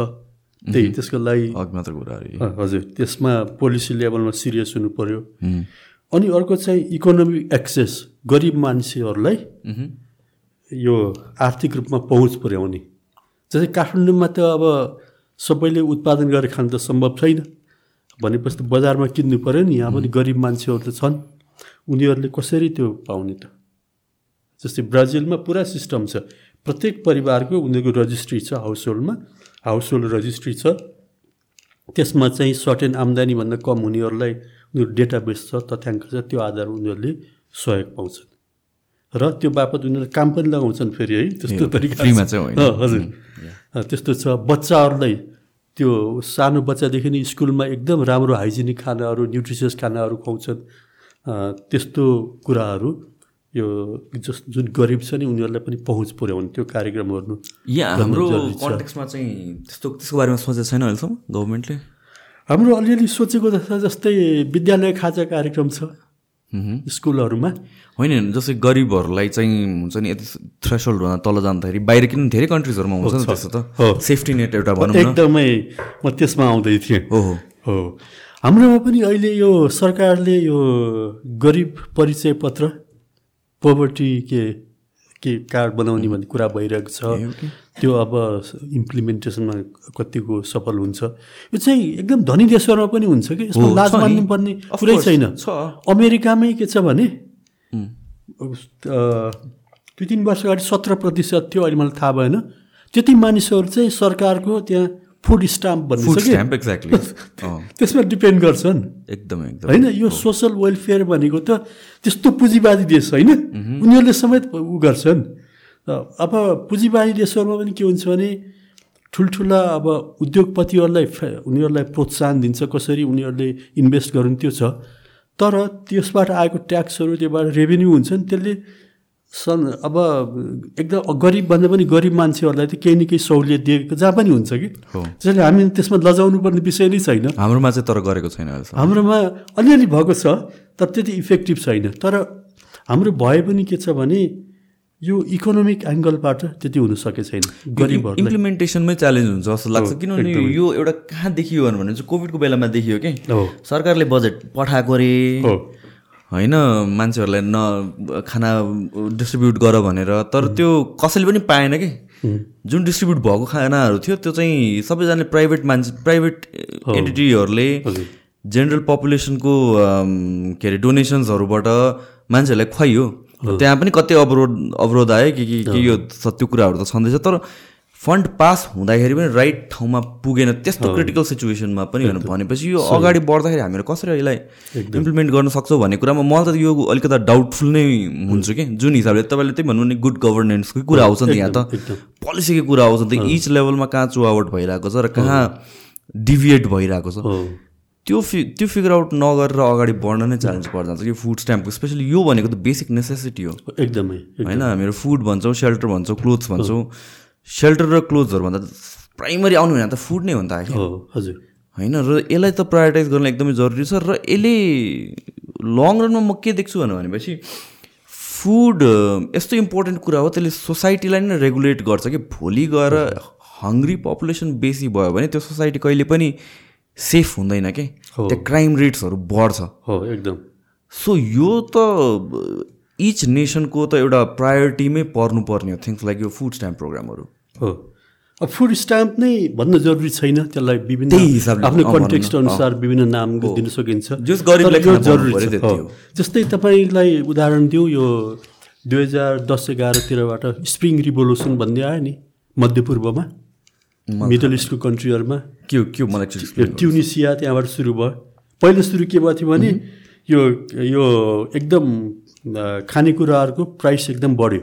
एकदमै अति महँगी भयो हामीले खानै सकेनौँ भने मान्छेहरूले जुलुसहरू प्रदर्शन गर्न थाले। त्यहाँबाट बढ्दा बढ्दै गएर ट्युनिसियामा त रिभोल्युसन नै भयो। त्यसपछि अरू देशमा फैलियो। अनि त्यो अनि इजिप्टमा भयो वा सि सिरियामा। त्यसरी हो नि त। त्यो दुई हजार दस एघारदेखि स्प्रिङ रिभोल्युसन भएको। त्यो इकोनोमिक क्राइसिसको आफ्टर म्याथ हो त्यो। हो एकदम। मलाई चाहिँ यसपालिको कोभिडमा वान अफ द कन्सर्न त्यही लागेको थियो कि। क्राइम रेट सबै इन्क्रिज हुन्छ। जस्तो लाग्दो जुन हिसाबले यहाँ सबै कुरा ह्यान्डल भइरहेको थियो। मान्छेहरू बिहान बेलुका लाइनमा बसेर खानु परिरहेको छ। तर त्यस्तो चाहिँ भएन रहेछ। अस्ति मात्रै एकजनासँग कुरा गर्दाखेरि उहाँले पनि भन्नुभएको थियो नेपालमा क्राइम रेट कोभिडमा अरू संसारभरि चाहिँ बढ्यो नेपालमा चाहिँ बढेन भनेर। तर इभेन्चुली त्यो लङ टाइमसम्म कन्टिन्यू भयो भने हामीले संसारको जुनै पनि कुनामा हिस्ट्रीमा हेर्ने हो भने भएकै भएको त छ। पोभर्टी इन्क्रिज भएपछि त्यो क्राइम रेट बढ्छ नै जब त्यहाँ एउटा पोभर्टी बढ्ने अर्को चाहिँ डिस्प्यारिटी बढ्ने भएपछि जब ग्याप बढी हुन्छ नि त्यहाँ क्राइम बढी हुन्छ। त्यसैले यो चाहिँ एकदम विचार गर्नुपर्ने छ। यसलाई तपाईँले अघि सोसल सेफ्टी नेट भन्नुभयो। हो एक्ज्याक्टली यो कन्सेप्ट त्यही हो कि? त्यो हिसाबले नेपालमा फेरि कतिपय कुराहरू राम्रो पनि भइरहेको छन्। जस्तै अब सत्तरी वर्ष बढी भएको मान्छेले पाउने कति भत्ता पाउने होइन? त्यसै विधवाहरूले पाउने अथवा चेपाङहरू कति खा कुनै पिछडिएको वर्गले पाउने त्यस्तोहरू कुरा राम्रो छ। त्यो कारणले पनि हाम्रो खाद्य सुरक्षाको स्थिति राम्रो अलिकति तुलनात्मक रूपमा सुधार हुनुमा त्यसको पनि रोल छ जस्तो लाग्छ। अनि मैले एउटा दक्षिण एसियामा विभिन्न देशहरूको यो सोसल प्रोटेक्सन हजुर। सामाजिक सुरक्षा सम्बन्धी कति खर्च भयो कति जनताहरूलाई कभरेज छ त? भन्ने त तुलनात्मक तथ्याङ्क हेर्दाखेरि दक्षिण एसियामा अरू देशहरूको तुलनामा नेपालको अलिकति राम्रो स्थिति रहेछ। सायद त्यसले गर्दाखेरि पनि हाम्रो अलिकति यो खाद्य सुरक्षामा पनि केही न केही असर परेको छ। जस्तै अब सत्तरी वर्षको मानिसले महिनाको चार हजार कि कति पाउने होइन अहिले? चार हजार। त्यो भए पनि एउटा सामान्य खानेकुरा त लगभग अफोर्ड अफोर्ड गर्न सक्छ नि। त्यसैले यो सोसल प्रोटेक्सन चाहिँ एकदमै राम्रो कुरा हो। तर यसमा के जरुरी छ भने यसलाई अझ हामीले स्मार्ट बनाउनु जरुरी छ। टार्गेटेड हुनु पऱ्यो लक्षित वर्गलाई त्यो पुग्नु पऱ्यो एक्ज्याक्टली इकोनोमिकल इकोनोमिक डेमोग्राफीको बेसिसमा एकदम एकदमै एकदमै। यसमा चाहिँ अब कसैको कसैको जातको आधारमा त्योभन्दा पनि इकोनोमिक्स गरिब छ। जसलाई चाहियो उसलाई दिनु पर्यो। होइन। जो हङ्ग्री छ उसैलाई चाहियो नि त फुड सपोर्ट त होइन? त्यो बेसिसमा अलिकति अहिले हाम्रो सरकारले पोभर्टी कार्ड बनाउने पनि कुरा गरिरहेको छ। अब अस अस्सी वर्षको उमेरको मान्छे बाह्र हजार डलर उसको इन्कम छ भन्दा उसलाई चाहिएन चाहिँदैन होइन। त्यसो भएर त्यो कुरा जरुरी छ। अनि अर्को हामीले महत्त्वपूर्ण कुरा चाहिँ यो शिक्षा र स्वास्थ्यमा ध्यान दिनुपर्ने कुराहरू। जस्तै शिक्षाको ठुलो महत्त्व के छ भने हाम्रो हेर्नुहोस् न अहिले स्कुलहरूमा स्कुल कलेजको विद्यार्थीहरू हेर्दाखेरि मलाई कस्तो नरमाइलो लाग्छ। अधिकांश विद्यार्थीहरूले यसो पैसा भयो कि त्यो यो इन्स्ट्यान्ट नुडल वाइ वाइ चाउचाउ यस्तै यस्तै किनेर खान्छन् कि? त्यो चाहिँ स्वास्थ्यको लागि राम्रो होइन। कहिलेकाहीँ खानु बेग्लै कुरा हो। नत्र यस्तो जङ्क फुडहरू त स्वास्थ्यलाई त दीर्घकालीन रूपमा त नोक्सान पुर्याउँछ। त्यस सट्टा आफ्नै अब अरू पहिला जस्तो हामीले खानेकुराहरू चिउराहरू भयो कुनै हामीले बनाएको रोटीहरू खाने तरकारी चना खाने होइन यस्तो अन्डा उसिनेर खाने यस्तो कुराहरू गऱ्यो भने त स्वास्थ्यको लागि बढी राम्रो हुन्थ्यो सस्तो पनि पर्थ्यो त्यसैले यो शिक्षाको कुरा एकदम जरुरी छ। विद्यार्थीहरूलाई पनि पोषणको बारेमा उनीहरूलाई सिकाउनु पर्ने हुन्छ। अनि अर्को के छ भने ब्राजिलको एउटा उदाहरण उनीहरूले school as an entry point लिए कि? यो खाद्य सुरक्षामा सुधार गर्नलाई। स्कुलमा उनीहरूलाई विद्यालय खाना दिने त्यो पोषणयुक्त प्रत्येक स्कुलमा नर्स पनि राख्ने त्यो जाँच गर्नलाई बेला बेलामा डक्टरले आएर चेक पनि गर्ने र त्यो खाना चाहिँ एउटा न्युट्रिसनिस्ट हुन्छ। है? त्यसले चाहिँ अब कस्तो खाना खुवाउने त्यो उहरू मेनु ब्यालेन्स डाइटको मेनु बनाउँछ। अनि त्यो खानेकुराहरू छ नि जस्तै यहाँ त्यसको लागि चामल चाहियो पिठो चाहियो चाहिँ त्यो चाहिँ किसानहरूसँग किन्ने स्थानीय रूपमा। भनेपछि किसानहरूले पनि उत्पादन बनाउने इनिसिएटिभ इनिसिएटिभ अनि उनीहरूले को पनि आम्दानी बढ्यो। त्यसले गर्दाखेरि स्थानीय रूपमा त्यो व्यापारीहरूले पनि काम पाउने भयो। त्यो एक ठाउँबाट अर्को ठाउँमा लानु पऱ्यो यातायात ट्रान्सपोर्ट गर्नेले पनि हुने भयो। त्यसले होल समाजलाई नै त्यसले राम्रो गर्ने रहेछ कि? सो स्कुललाई एउटा इन्ट्री पोइन्टको रूपमा लिने र यो स्वास्थ्य हाम्रो पूर्वाधारसँग लिङ्क गर्ने। त्यो गऱ्यो भने राम्रो हुन्थ्यो। तर हाम्रो पोलिसी लेभलमै पहिला उहाँहरूले बुझ्न जरुरी छ। अनि त्यसलाई इम्प्लिमेन्ट गर्नु जरुरी छ। बुझ्ने मान्छेहरूको पनि यहाँ कमी छ किनभने हाम्रो एकदमै टर्न ओभर छ कि? जसले यो जो त्यो लेभल हुन्छ नि अब हाम्रो सचिवहरू सहसचिवहरू उहाँहरू चाहिँ अब एकदमै हाम्रो कहिले को कहिले को होइन? एउटै मान्छेले त्यही विषयमा लाग्यो भने होइन उसको एउटा हुन्छ नि म केही गरेर छोड्छु भन्ने त्यो मनैदेखि लाग्यो प्यासन भएको। त्यस्तोले कोही वर्षमा काम गऱ्यो भने सुधार हुने सम्भावना हुन्छ। पाँच सात महिना त्यसमा भयो त्यसपछि अर्को ठाउँमा सरुवा भयो त्यो भयो भने चाहिँ खासै प्रगति हुन सक्दैन। त्यसैले त्यस्तो त्यस सम्बन्धी एक्सपर्टिज भएको मान्छेहरूलाई त्यो जिम्मा दिने र उनीहरूलाई होइन रेस्पोन्सिबल बनाउने। त्यो गरेर हाम्रो सुसा सुशासनकै पाटो आयो। त्यो गऱ्यो भने चाहिँ हाम्रो मेरो विचारमा सम्भावनाहरू राम्रै छ। ओके। अरू हामीले केही छुट्याएको छौँ त अब कुरा गरेर डिस्कस गर्नुपर्ने के छ? थाहा हुनुपर्ने जेनरल पब्लिकले के छ त? यसमा त अब यसमा चाहिँ हाम्रो रोल होइन। अब हामीले चाहिँ सरकारले यसो गरे हुन्थ्यो उसो गरे हुन्थ्यो भन्ने छ होइन? As an individual as an individual हाम्रो पनि धेरै रोल छ नि। जस्तै मैले के खान्छु भन्ने त भएको चिजहरूमध्येमा है। मैले एफोर्ड गर्न सक्ने मैले आफ्नो क्रय शक्तिले भ्याउने कुराहरूमध्ये के खाने भन्ने त मैले निर्णय गर्न सक्छु नि। होइन?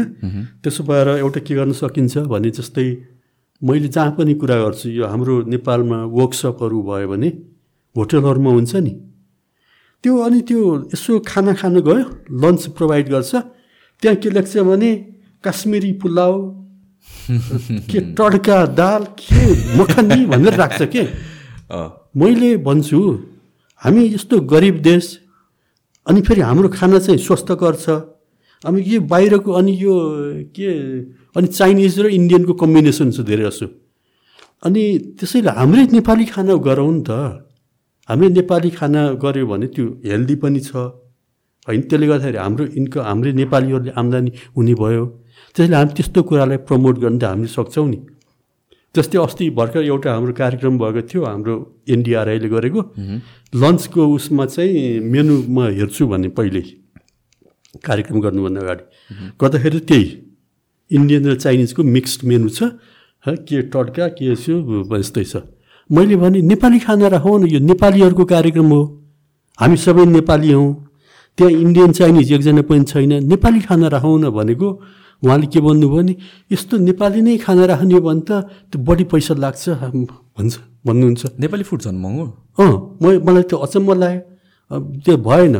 यो यो कुरा तपाईँले जापानमा मैले भनेको कुरा गर्दाखेरि नेपाली खाना त बढी पैसा लाग्छ भने मैले मान्थेँ। तर नेपाल हो नि यो त। झन् नेपाली खाना सस्तो पो हुनु पऱ्यो भनेर धेरै छलफल गरेर नेपाली खाना राख्न लगाइयो। तर अधिकांश विचार गर्नुहोस् वर्कसपहरू त्यस्तो हुँदाखेरि होटलहरूले यो यहाँ चार पाँच तारे होटलहरूले जुन खाना अफर गर्छन् त्यो चाहिँ अधिकांश मेनुमा त्यो इन्डियन चाइनिज स्टाइलको हुन्छ। नेपाली खाना हुँदैन। यो कुरा त हामीले कार्यक्रम गर्नेहरूले हामीले आफूले निर्णय गर्न सकिने कुरा भयो। त्यस्तैले हामीले अब किन्ने बेलामा नेपाली प्रडक्टहरू सकभर किन्ने। त्यसमा जथाभावी किन्ने होइन राम्रो क्वालिटी हेरेर किन्नु पऱ्यो त्यो गर्ने। अनि त्यस्तै फुड ह्याबिटमा जङ्क फुड भन्दा अब जुन स्वास्थ्यकर हुन्छ त्यस्तो खानाहरू बढी खाने अरूलाई पनि त्यस्तो सिकाउने। त्यो कुराहरू त हाम्रो कन्ट्रोलमा छ नि। हाम्रो लेभलमा गर्न सकिने कुराहरू। यस्तै यस्तै कुराहरू। आफूले जानेको कुरा अरूलाई बताउने। त्यो जस्तो लाग्छ मलाई। हो। एउटा कुनै पनि चिज चेन्ज गर्नलाई इट स्टार्ट्स विथ यु अनि त्यसपछि त्यो इन्डिभिजुअल एफर्ट एकदम इम्पोर्टेन्ट छ। चाहे त्यो एट द मोमेन्ट एउटा सेक्रिफाइस नै भए पनि तर लङ रनमा त्यसको इफेक्ट्स हेर्ने हो। नि त मेबी आज आज केही कुरा गर्दाखेरि चाहिँ त्यसको मेबी बेस्ट आउटकम नहोला तर त्यो over period of five years ten years त्यसले हामीलाई कहाँ लाग्छ? त्यो अलिक फार साइटेडनेस भयो भने इन्डिभिजुअल लेभलमा अनि एउटा मिसन बल्ल सक्सेसफुल हुन्छ। आई थिङ्क त्यही नै हो हामीहरूको मेन एजेन्डा भनौँ न गर्नुपर्ने कुरा चाहिँ त्यही नै हो। I think that is enough दुई घन्टा हामीले कुरा गऱ्यो। थ्याङ्क यू सो मच आउनुभएकोमा। होपफुली यो धेरैजना मान्छेहरूले सुनोस् सिकोस् अनि त्यसपछि केही न केही चेन्जेस आओस्। हस् मलाई पनि कुरा गर्नु पाएर एकदम खुसी लाग्यो। हजुर। म एउटा सानो कुरा के थप्न चाहन्छु भने हजुर। यो हाम्रो नेपालको फुड सिक्युरिटी बारेमा जान्नु पऱ्यो भने एउटा रिफरेन्स मेटेरियलहरू हजुर। नेपालको यो फुड सिक्युरिटी एटलस भन्ने। हजुर। यो पहिलोचोटि निकालेको यो राष्ट्रिय योजना आयोगले त्यो बेला चाहिँ यो हाम्रो एनडिआरआई हाम्रो नेपाल विकास अनुसन्धान प्रतिष्ठान डब्लुएफपी र राष्ट्रिय योजना आयोग मिलेर पहिलोचोटि दुई हजार दस एघारमा निकालेको थियौँ। दोस्रो संस्करण अस्ति भर्खर निकाल्यौँ। यसमा हाम्रो नेपालको खाद्य सुरक्षा सम्बन्धी विभिन्न कुराहरू नक्सासहित यहाँ दिएको छ। यो वेबसाइटमा पनि पाइन्छ। हजुर। अनि त्यो यहाँहरूले पढ्नुभयो हुन्छ। अनि म चाहिँ लेटेस्ट नेपालको खाद्य सुरक्षाको अवस्था बारेमा म एउटा एउटा प्रकाशन को लागि पनि म काम गर्दैछु। त्यो निकट भविष्यमा आउने जानकारी गराउन चाहन्छु। धन्यवाद। Best wishes thank you so much